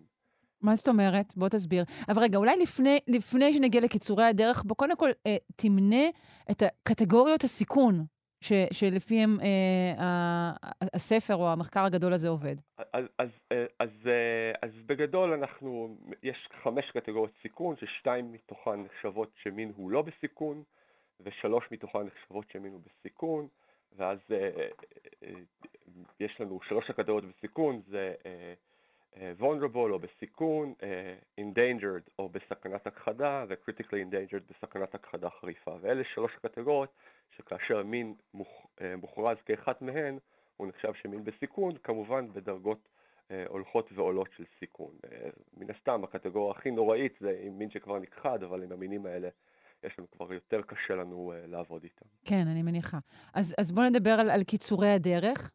אז קיצורי הדרך שאנחנו מנסים uh, או ניסינו לעשות, זה להגיד, אם אנחנו, יש לנו קבוצה גדולה יחסית של מינים שכן הוערכו, ואנחנו יודעים כל מיני דברים לגבי איפה הם חיים ומי הם, אז אנחנו יכולים בשאיפה לאמן איזושהי מערכת של למידת מכונה שתיקח את, ה, את המאפיינים שלהם, בין אם הסביבתיים ובין אם הביולוגיים, ותיקח את המאפיינים הסביבתיים והביולוגיים של המינים שלא הוערכו ותיתן להם קטגוריית סיכון באופן דומה. כלומר, ואז אם יש לי מין שהוא נמצא במקום שהוא מצומצם יחסית ונגיד עבר פיתוח אינטנסיבי בשנים האחרונות ומין מקביל לו הוערך ונחשב בסיכון, אז כנראה שגם המין הזה אה, יהיה בסיכון.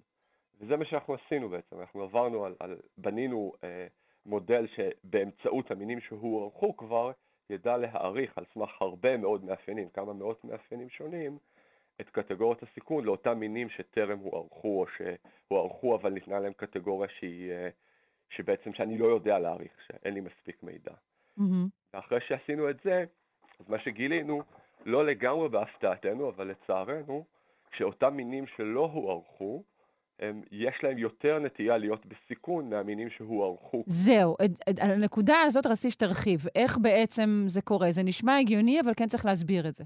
אז, אז אנחנו צריכים לחשוב על זה שאחד, ה, אה, לצורך העניין, הדברים שהם הכי נותנים נטייה למין להיות בסיכון, זה אם הוא בטווח אה, מצ... גיאוגרפי מצומצם. כלומר, מין שהוא מאוד נמצא ברחבי יבשות נרחבות או אה, מקומות מאוד מאוד גדולים, אז סביר שהוא פחות בסיכון. מין שהוא נמצא יחסית באזור מאוד מאוד קטן ומצומצם, יש סיכוי יותר גבוה שהוא יהיה בסיכון, זה מאוד הגיוני. ובאופן מקביל, גם המינים שיש להם טווח גיאוגרפי מצומצם, הסיכוי שאנחנו יודעים עליהם דברים, או אפילו יודעים שהם קיימים, הוא גם יותר קטן. ולכן, ככל שבעצם המידע שלנו, האמיתי אודות מינים, הולך ופוחת, הסיכוי שלהם להיות בסכנה הולך ועולה. זה קצת, כאילו, קצת נשמע פרדוקס כשאני אומר את זה בהתחלה, אבל כשחושבים על זה קצת כן. יותר, יש על זה, אה, עומד מאחורי זה היגיון. יש בזה היגיון, כן. כן. אה, דיברנו בעבר אה, בכלל על, על הערכת חסר ו- ו- ו- וחסר של חקר בזוחנים, כן. נכון? נכון. מדוע זה כך? אז חלק מזה זה קשור בעיקר אלינו כבני אדם, שא' אנחנו, הדברים שמעניינים אותנו יותר זה דברים שנראים יותר כמונו, שאת יודעת, יש להם... כאילו, הם פשוט פחות חמודים, אם לקצר? בדיוק ככה, כן, זה נכון, את יודעת, עשינו על זה כבר כמה וכמה עבודות, שיש באופן כללי הרבה פחות עניין מחקרי בזוחלים, יש הרבה פחות עניין של הציבור בזוחלים, יש הרבה פחות, אם נלך לגופי שמירת טבע בינלאומיים שמשקיעים מאמץ בשימור של מינים, אז אפילו שם כבר יש, יש הטיה כנגד זוחלים. כלומר, יש מעט מאוד מינים של זוחלים שאיזשהו גוף שמירת טבע בינלאומי יגיד, אני עכשיו משקיע כסף בשביל להגן על הנחש הזה או הלטאה הזאת או הצו הזה. צבים קצת יותר טוב, נחשים ולטאות מצבם די גרוע. ומכיוון שאנחנו פחות מתעניינים בהם ופחות חוקרים אותם ויש פחות עניין של הציבור בהם ואנחנו פחות שומרים עליהם, אז באופן לא מפתיע הם גם נמצאים יותר בסיכון. זה לא רק זה, זה גם העובדה שבאופן ממוצע, אם אנחנו משווים יונקים ועופות שאנחנו מתעניינים בהם, אז יונק או עוף באופן ממוצע יש לו גם טווח גיאוגרפי יותר גדול, וכפי שאמרנו, טווח גיאוגרפי גדול הוא בדרך כלל, יש חיה שפחות הסיכוי שלה להיכחד. Mm-hmm. וזוחלים וגם ואז היא גם יותר נחקרת ויש לה יותר תשומת לב, זה מין כן. גלגל. נכון, נכון.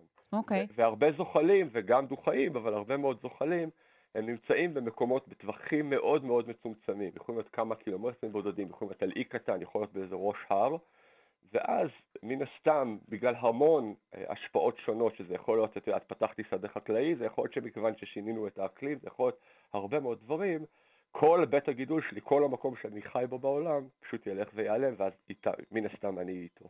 כן. אני לא יודעת, אני קצת פונה לאיזה משהו שאולי יישמע ציני, אבל נראה לי שאם... הזוחלים צריכים לגייס את, את הוליווד או משהו. אם יעלה איזה להיט גדול בכיכוב של זוחלים, אני חושבת שאולי זה ישנה טיפה את, אה, את כל ההטייה שלנו לכיוון המחשבה שלהם כ- כ- כזרים, כבלתי חמודים. אולי. כן, את לגמרי צודקת, לגמרי, ואנחנו אפילו רואים עדויות לזה שכאשר למשל אה, יוצא איזשהו סרט אה, הוליוודי או של דיסני כזה או אחר, או של פיקסאר, שיש בו מככבים לטאות או זוחלים, אז יש, יש קצת קפיצה בעניין הציבורי כן, בעולם. כן, כן, ישר, נכון. הילדים רוצים ללכת לראות בתי גידול, זה ישר קופץ, הדבר הזה. זה קצת, אה, זה צר אולי, אבל זה המצב. התרבות צריכה לשים עליהם יותר פוקוס. אין ספק, וזה, וזה עוד פעם, זה מסוג הדברים שאנחנו גם כן אה, בוחנים אותם אה, בכל מיני כלים, למשל, אה, אם עושים קמפיין ציבורי אודות אה, זוחלים במקום מסוים, האם בעקבות זה אנחנו רואים באמת עלייה בעניין שלהם ברשתות חברתיות, באינטרנט, במקומות כאלה. ו- ושוב, אנחנו עוד, לא, אנחנו עוד לא לגמרי רואים את זה אחד לאחד, אבל כן. אנחנו, אנחנו מקווים ש, שאפשר יהיה גם בדרך זו לעשות את זה, ולפעמים גם צריך לעשות, את יודעת, הדברים שגם לא פופולריים, גם צריך לעשות אותם כי הם נכונים, לאו דווקא כי הם פופולריים. זה נכון אה, מאוד. אה, כן, טוב, אז עד שנגיע ליחצן לכל חרדון, אה, נאחל אה, לכל המינים בהכחדה אה, הישרדות ושמירה. תודה רבה לך, אה, אה, דוקטור אורי רול. מהמכון לחקר המדבר ובית הספר לקיימות ושינויי האקלים באוניברסיטת בן גוריון. בוקר טוב.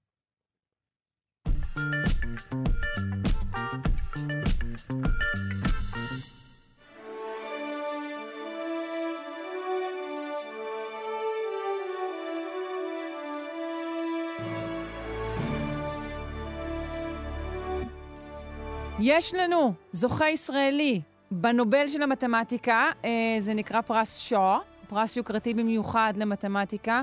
הזוכה בו הוא הפרופסור נוגה אלון מאוניברסיטת תל אביב וגם מפרינסטון. אה, אנחנו נשוחח איתו הבוקר. אה, שלום, בוקר טוב. בוקר טוב, שרון. ראשית, מזל טוב. תודה רבה, תודה רבה. זה משהו שציפית או צפית? אה, לא ממש אה, אה, ציפיתי, זה הגיע בהפתעה מסוימת, אם כי ידעתי אולי ש, שזו אפשרות. המעניין הוא שהם לא מודיעים לך קודם, בעצם... אה, באמת? זאת הפתעה ממש? כן, כן, למעשה למדתי על זה כשקיבלתי וואטסאפים מאנשים שמברכים אותי ששמעו את... ההודעה אה, בטקס שמשודר באינטרנט, אה, אני איכשהו לא הסתכלתי. אה. היית עסוק במחקריך ופשוט לא היית קשוב? אז הם, הם שלחו לי, ארבע שעות קודם הם שלחו לי איזו הודעה באימייל, אבל עדיין לא הגעתי לקרוא אותה. אז, טוב, נהדר. אז uh, באמת מזל טוב. הפרס מוענק לך על מכלול uh, עבודתך, שהיא עבודה uh, פורצת דרך. אני מניחה שלא נוכל כרגע ללמוד את כולה, אבל אולי תוכל לספר לנו באיזה תחום אתה מתמקד? אה, אה, כן, אז, אה, אז חשבתי לדבר על, על דוגמה אחת. אולי אני אדגיש שחלק ניכר מהמחקר שלי הוא, הוא מאוד בסיסי, תיאורטי, במתמטיקה טהורה, ללא שימושים מעשיים נראים לעין, לפחות לא היום. אבל על הנושאים האלה יהיה קשה לדבר, וחשבתי אולי לנסות להסביר אה, אה, נושא שלו יש אה, שימושים מעשיים מסוימים. אני פותחת סוגריים, האם הדבר הזה מתסכל אותך, שבבואך לשוחח ברדיו אתה נדרש בעצם אולי לעשות איזשהו, איזשהו שינמוך, איזה downgrading לשימושים מעשיים, לתיאוריות שלך? אז לא ממש, משום שאני כבר רגיל לזה אחרי הרבה שנים שבהם אה, אני מנסה לעיתים להסביר אה, על המחקר שלי לחברים או לבני משפחה, אה, ברור שאתה צריך להנגיש את זה על ידי כך שלא תדבר על הפרטים הטכניים. אוקיי. אז, אז הנושא שחשבתי לדבר עליו עוסק בהנחת היסודות המתמטיים לאלגוריתמים לטיפול במידע זורם של נתוני עתק, או שזה המינוח העברי לביג דאטה, Mm-hmm. והמחקר הבסיסי, המאמר הראשון בנושא, נעשה במשותף עם יוסי מתיאס מתל אביב ומגוגל ועם מריו סגדי מאוניברסיטת רטגרס בניו ג'רסי. והרעיון הוא שיש לנו היום כמויות עצומות של מידע בתחומים רבים, למידה חישובית, ברשתות תקשורת, באנליזה של דיבור, בביולוגיה חישובית, ואנחנו יכולים לקרוא את הנתונים האלה, אבל אין לנו אפשרות לשמור אותם בזיכרון, פשוט יש יותר מדי. גדולים מדי. כן, והשאלה היא לכן, אילו תכונות סטטיסטיות של הכמויות העצומות האלה של המידע, אנחנו uh, מסוגלים לחשב uh, במגבלות זיכרון, במגבלות הזיכרון שיש לנו. זאת אומרת, מותר לי להסתכל על המידע כשהוא מגיע, ומותר לי אולי לבצע איזה שהם חישובים פשוטים, אבל אסור לי, אני לא יכול לשמור את כולו בזיכרון.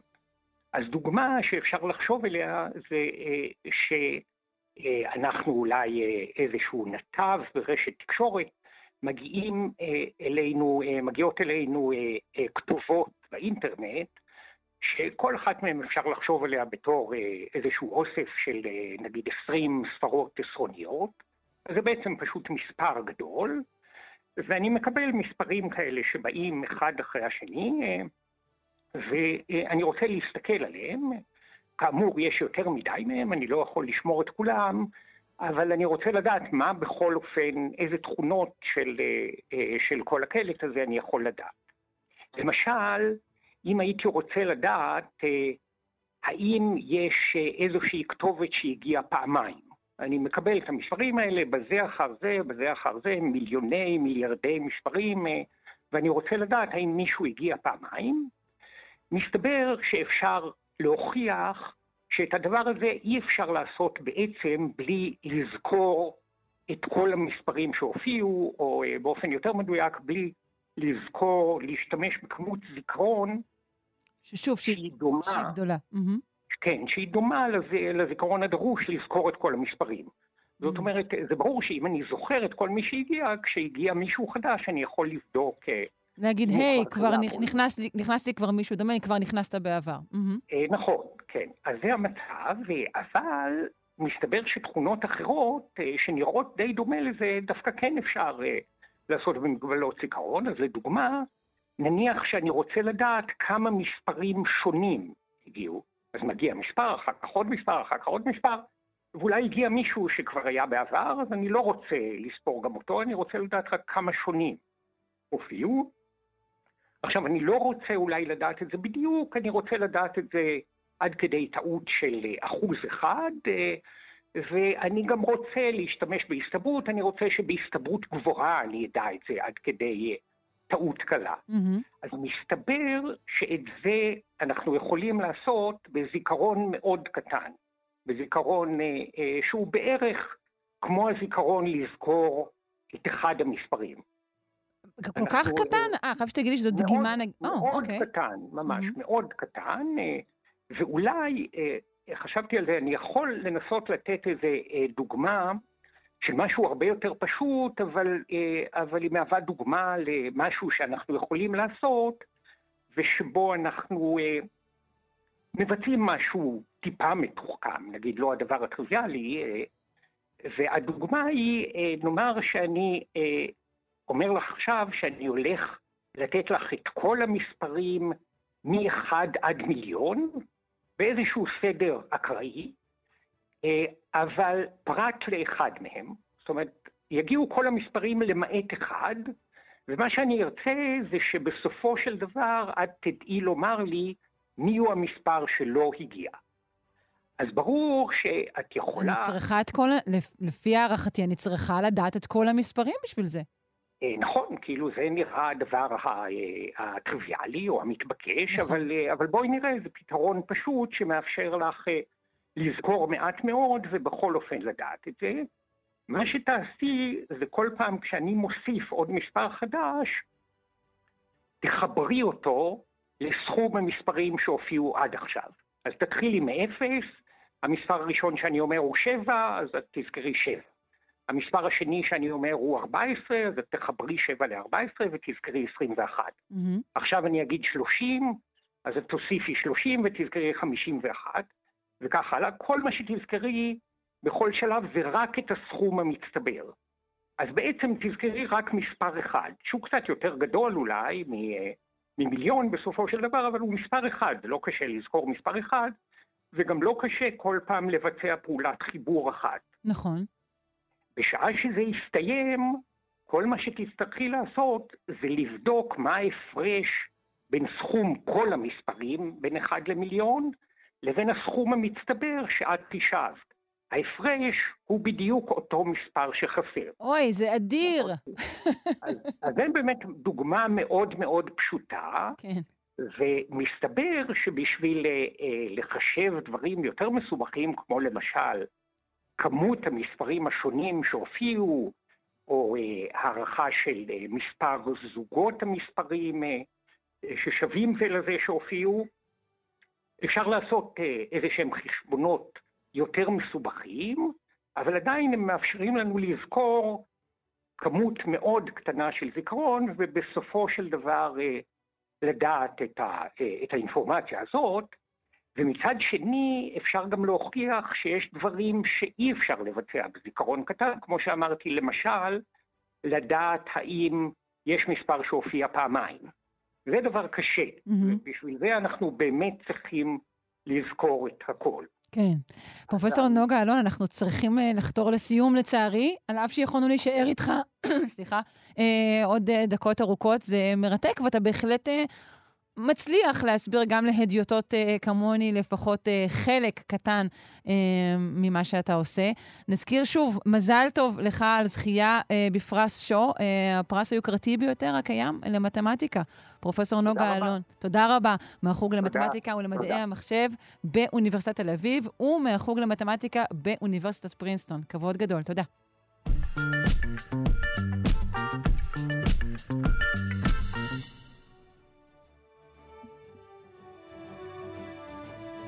ידנו היום רחבה, הלב נותן, אנחנו ממשיכים עוד פרס. אה, זה לא אנחנו נותנים, זה האגודה המלכותית לכימיה, שהעניקה את פרס הורייזון בתחום הכימיה של החומרים לקבוצת חוקרים אה, מהטכניון. אנחנו נפנה לפרופסור אבנר רוטשילד מהפקולטה למדע והנדסה של חומרים בטכניון. שלום, בוקר טוב, מזל טוב. שלום, בוקר טוב, תודה רבה.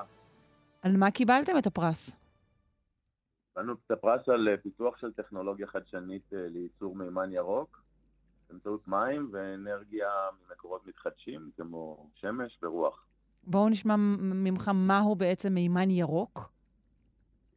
אה, מימן ירוק זה סוג של דלק אלטרנטיבי לדלקים שאנחנו מכירים, גז טבעי, פחם, נפט, שמיוצר ממקורות מתחדשים. תוצר השרפה שלו זה מים. זה למעשה תחשבי על אה, דלק נקי שמחליף את הדלקים המזהמים שאנחנו משתמשים בהם, שנוצר ממים וחוזר בחזרה בסוף הדרך למים, ככה שההשפעה שלו על כדור הארץ היא אפסית. זה משהו שהטכנולוגיה היא כבר בשימוש, קרובה לשימוש? איפה, איפה אתם נמצאים? אה, קודם כל, מימן ירוק אה, מבוסס על טכנולוגיה שנקראת אלקטרוליזה, או הייצור של מימן ירוק. כן. מבוסס על טכנולוגיה שנקראת אלקטרוליזה, שקיימת, שקיימת. כבר למעלה מ-100 שנים. בהחלט. אבל הטכנולוגיה הקיימת מבוססת על שיטה שהיא מאוד לא יעילה, יעילה הן מבחינת הנצילות האנרגטית שלה, יש שם בזבוזי אנרגיה משמעותיים, והן מבחינת המבנה של, ה, של הריאקטור או של המכונה שמייצרת את המימן, שהוא מבנה שדורש רכיבים מאוד מאוד יקרים.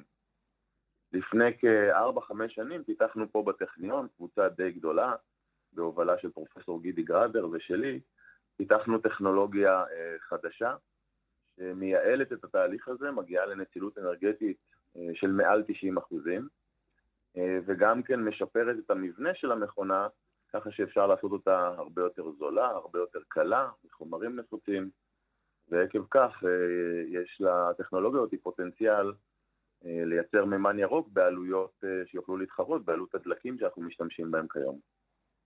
כלומר, אה, זה עדיין לא בשימוש, אבל זה בהחלט, אה, אתה אומר, בשלבים מתקדמים. כן, הטכנולוגיה פותחה פה בטכניון אה, לפני כמה שנים, כפי שציינתי. Mm-hmm. לפני כשלוש שנים הקמנו חברה שנקראת H2 Pro. חברה הוקמה על ידי דוקטור חן דותן, גידי גראדר ואני, בשיתוף עם קבוצת יזמים בהובלת טלמון מרקו. והחברה למעשה, התפקיד שלה זה להביא את הטכנולוגיה הזאת לכדי מימוש, לכדי מוצרים תעשייתיים, אה, והחברה מתקדמת בקצב אה, מדהים. עד כמה הייתם מופתעים אה, לשמוע שקיבלתם את הפרס? אני שואלת גם עליכם ספציפית, וגם על, על כך שהפרס בעצם מוענק לטכנולוגיה שהיא ירוקה. כמה זה חשוב לכולנו? אז הטכנולוגיה של מימן ירוק למעשה נמצאת uh, בשנה, שנתיים האחרונות בפוקוס של טכנולוגיות uh, ירוקות, של, uh, של קלינטק או climate tech. אה, הרבה גופים משמעותיים בעולם, החל מהאיחוד אירופי, ארצות הברית, הגיעו למסקנה שמימן ירוק הוא רכיב מאוד משמעותי במעבר אה, שלנו, של, של כל אה, למעשה האנושות, למה שנקרא net אה, zero. זה רכיב הכרחי ש... תחזיות אומרות שהוא ייקח בין 10 ל-20 אחוזים מסך כל משק האנרגיה העולמי. אז ככה שהתחום הוא מאוד מאוד אה, מבוקש בשנים האחרונות, mm-hmm. ובמובן הזה אני חושב שזה לא בלתי צפוי, שטכנולוגיות חדשניות בתחום הזה יקבלו אה, זרקור, אה, אבל זה שאנחנו ספציפית קיבלנו את הפרס הזה, אני חושב שזה, קודם כל זה הישג מאוד מכובד אה, לטכניון, למדינת ישראל. כן. ומאוד מאוד שמחנו כמובן, כי יש הרבה מאוד שחקנים במגרש הזה. אה, רובם הגדול שחקנים הרבה יותר גדולים מאיתנו, מדובר שם על חברות ענקיות וקונסורציומים של חוקרים מרחבי העולם. שזה בעצם אה, גופים ואנשים ש, שמולם לכאורה התחרתם, שוב, זו לא תחרות מהסוג הזה, אבל זה מי שנמצא מולכם בענף הזה. נכון, רוב השחקנים במגרש הזה הם שחקנים מאוד מאוד גדולים, וכאן מדובר בטכנולוגיה שפותחה סולו בתוך הטכניון, שיתוף פעולה של שתי קבוצות מחקר, של גידי ושלי. אה, אני חושב שזה מאוד מאוד מכובד שקבוצה אה, שנמצאת פה בטכניון הצליחה להתחרות עם קבוצות אחרות שהן הרבה יותר גדולות. כשאתה אומר שחקנים גדולים, אתה מתכוון אה, שחקנים אקדמיים גדולים, או, או כבר דברים שנמצאים בשוק? זה גם וגם. הטכנולוגיות, הפיתוח של טכנולוגיית מימן ירוק שמבוסס על טכנולוגיות קיימות, ולמעשה המטרה שם זה לשפר, אה, לשפר את התהליכים ולהפוך אותם, את תהליכי הייצור בעיקר אה, של המכונות האלה ליותר אה, כלכליים, משלב בתוכו קונסורציומים של הרבה גופים, יש שם גם חברות, גם חוקרים מהאקדמיה, מדובר בקונסורציומים גדולים. לכן אני מתייחס לזה כעל תחרות קשה, כי למעשה כאן יש קבוצה בודדת מתוך הטכניון שהתחרתה למעשה מול קונסורציומים שמאגדים בהם מספר מוסדות מחקר, אוניברסיטאות, אה, וחברות גדולות. כן, זה מאוד מרשים. ושוב, אתה אומר שיש הרבה שחקנים, אבל אה, אנחנו עדיין משתמשים בדלקים של העבר. זה לא קורה. אה, זה נכון שאנחנו עדיין משתמשים בדלקים של העבר, אבל המעבר לאנרגיות מתחדשות הולך וקורה. פשוט צריך להבין שייקח זמן, זה לא משהו שיקרה בין, בין יום, כי זה דבר שמחייב החלפה של תשתיות אה, אה, אדירות. רק השבוע התבשרנו שאורות רבין ימשיכו לפעול, על אף שלדעתי הן היו אמורות להפסיק בדיוק החודש, ב- ביוני 2022, למשל. אה, אז אורות רבין באמת ימשיכו לפעול וכך הלאה, אבל יש מעבר לאנרגיות מתחדשות, פשוט ייקח זמן. מה שעוד חשוב להבין, זה במעבר לאנרגיות מתחדשות, נכון להיום אין את כל הטכנולוגיות שדרושות בשביל להשלים את המעבר הזה ל-100%. לצורך העניין, מדינת ישראל היום, אם אני זוכר נכון את המספרים, מדובר על כ-10% מסך כל משק החשמל בישראל היום אה, מיוצר ממקורות אנרגיה מתחדשות. Mm-hmm. בשביל לעבור ל-100% אנחנו צריכים לייצר אמצעים לאגירת אנרגיה בסקאלה רחבה. אין לנו כאלה היום, יש לנו מעט מאוד. אם ניקח mm-hmm. לדוגמה את החווה ההידרואלקטרית בגלבוע, אז הסך הכל מדובר שם על כמות קטנה, על טיפה בים. אנחנו נצטרך כאלף חוות שכאלה בשביל לכסות את הצורך באגירת אנרגיה כדי לעבור לאנרגיות מתחדשות. חשוב להבין שבאנרגיות מתחדשות אין לנו שליטה על הזמן שבו הרוח נושבת או השמש זורחת, והתחנות כוח האלה מפיקות חשמל רק כאשר יש רוח או כשיש שמש, ולכן הצורך באגירת אנרגיה בהיקפים אדירים הוא קריטי להשלמת המעבר לאנרגיות מתחדשות, ומרבית הטכנולוגיות בתחום הזה עדיין חסרות. כלומר, הבעיה היא בעיקר אגירה, אתה אומר, מעניין. כן, ברור.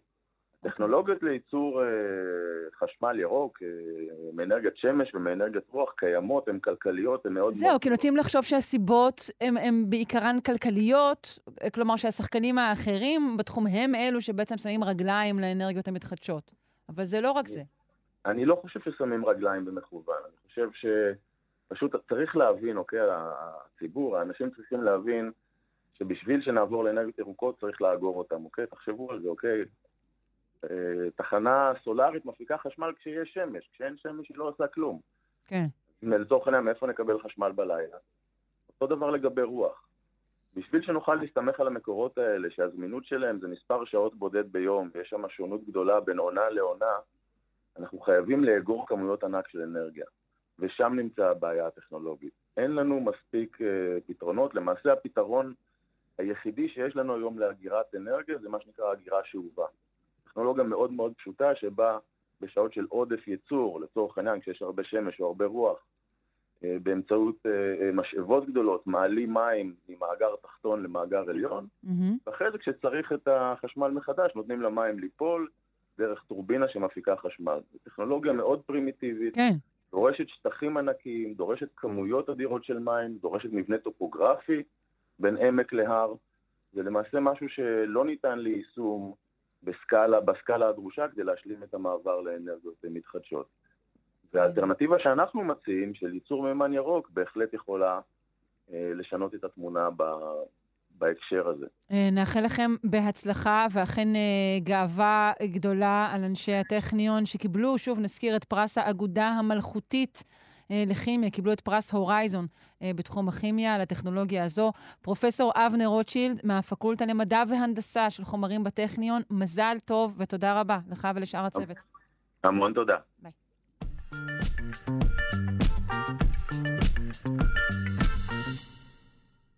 יש, אנחנו עם פינת הקתדרה למוסיקה, עם הפרופסור משה זורמן, מלחין, מנצח ומייסד הקתדרה למוסיקה בשיתוף הדוקטור אסטרית בלצן. בוקר טוב. בוקר טוב, שרון. מה שלומך? בסדר, אני היום ב... נמצא במונית בדרכי לירושלים. לא תוכל להנעים לי בנגינתך? או זהו, שאני לא ליד פלנטר, לכן אני מקדים ואומר אתה זאת. אתה צריך להתקין את האפליקציה של הפסנתר הקטן הזה, ואז תוכל לנגן לי גם מהמוניות. בסדר, אבל התפקיד שלנו היום הוא אחר. התפקיד שלנו היום הוא לגרות אותנו אל הקסמים של התזמורת הסימפונית, שיש כאלה שאומרים כבר, די, די עם הסימפונית, נגמר. למה אנחנו צריכים גוף כזה ענק, בזבזני, ואוכל כספים, בעידן שאיזה סינתסייזר וגיטרה חשמלית יכולה למלא אצטדיונים בעוצמות אין קץ. כן, נכון. אבל אני עדיין חושב שיש איזה קסם מופלא בסאונד הזה של, אתה נכנס לאולם קונצרטים ושומע את המיזוג הזה של כל המאה נגנים שיושבים על הבמה, אין יותר מזה. לגמרי, כל כך הרבה תדרים והדהודים יחד, אה, אני לא חושבת שאיזשהו מכשיר קטן אה, יעשה את זה, אבל מי יודע. זהו, והכי מקסים הסיפור הזה שמגיע הרגע שבו התזמורת מנגנת מוזיקה מעולם האגדות. וזה הנושא, למה אני נוסע לירושלים, כי יש ביום שישי הקרוב, אה, בצהריים, בתיאטרון ירושלים, קונצרט, במקרה הסטריט בלסן רעייתי, מארגנת, שבו התזמורת מפליאה בזיקוקי דינור אה, תזמורתיים אדירים, והכל מוזיקה שנכתבה על ידי מלחינים עבור אגדות אה, רוסיות מפורסמות. אז בוא נשמע, בוא נשמע, בוא נתחיל דווקא עם מלחין מהמאה ה-20, איגור סטרווינסקי, כותב מוזיקה לבלט ציפור האש.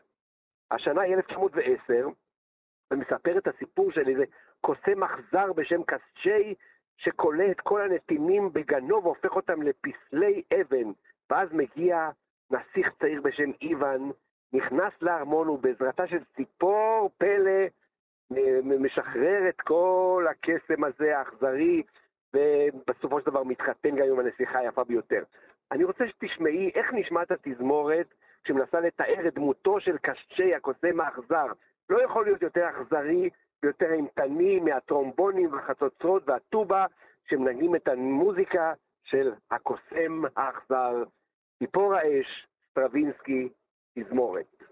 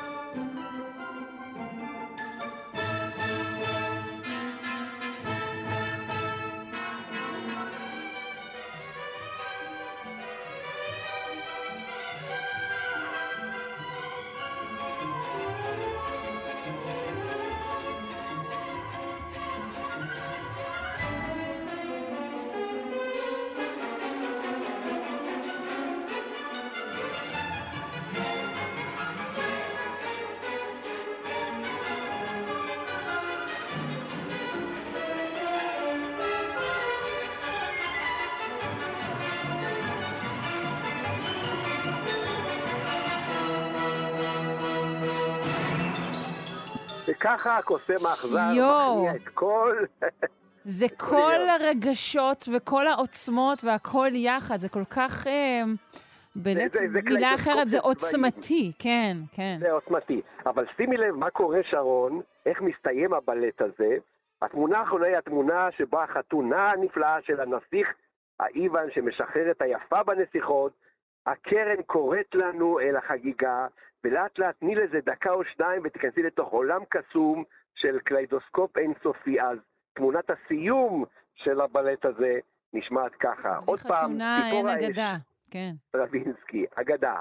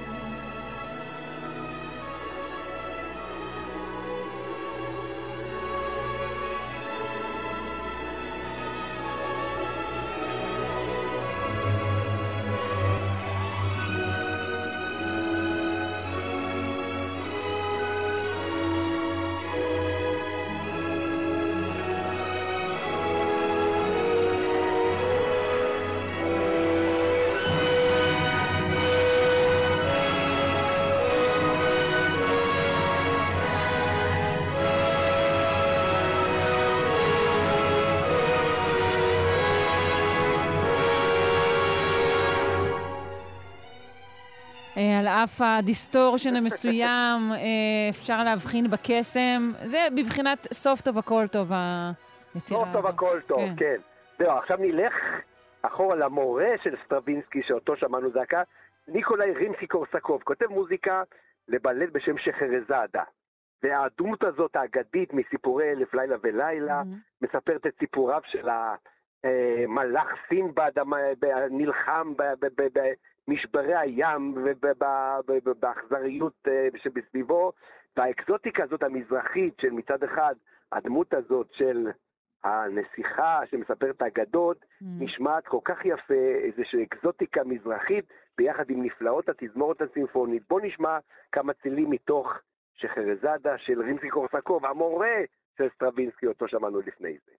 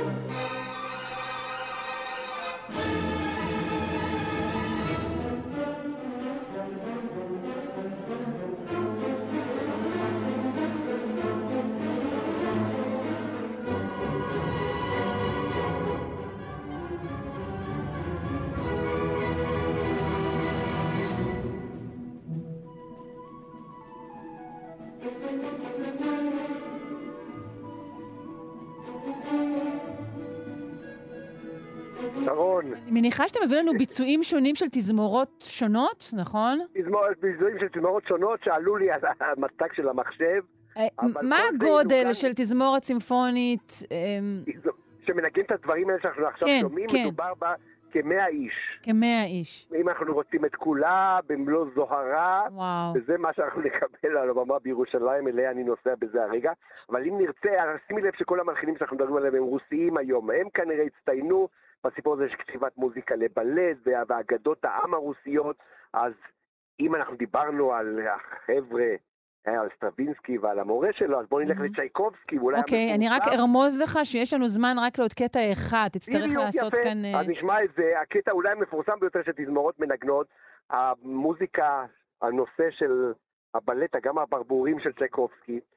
שימי לב איך מצד אחד התזמורת מתארת את מימי האגם הקסום, ומצד שני האבוב מנגן את מנגינת הפלא של הברבור. ושוב מלחמת הטוב והרע, הברבור השחור עם הברבור הלבן, בסופו של דבר, כמובן, האהבה מנצחת. אז גם הברבורים של צ'ייקובסקי, כן. התזמורת הסימפונית במלוא זוהרה כשמדובר על אגדות.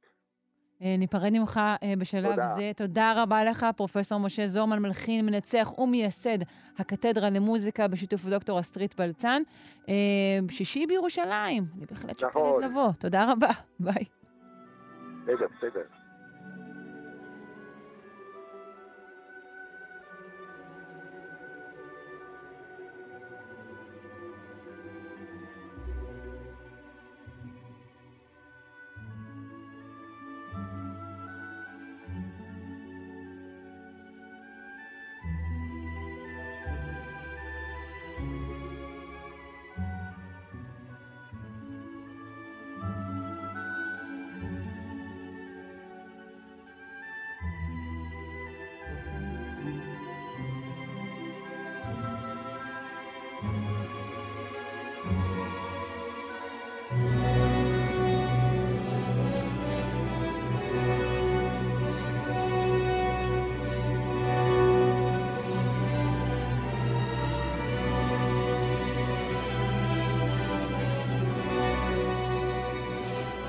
ובצלילים אלו אנחנו מסיימים אה, שעתיים של שלושה שיודעים. גם הבוקר ערך אותנו רז חסון, המפיקות שלנו אלכס לויקר ואודל זייט, על הביצוע הטכני אלון מקלר.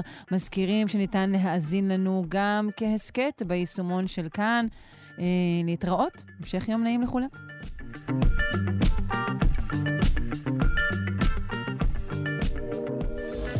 אתם מאזינים לכאן הסכתים, הפודקאסטים של תאגיד השידור הישראלי.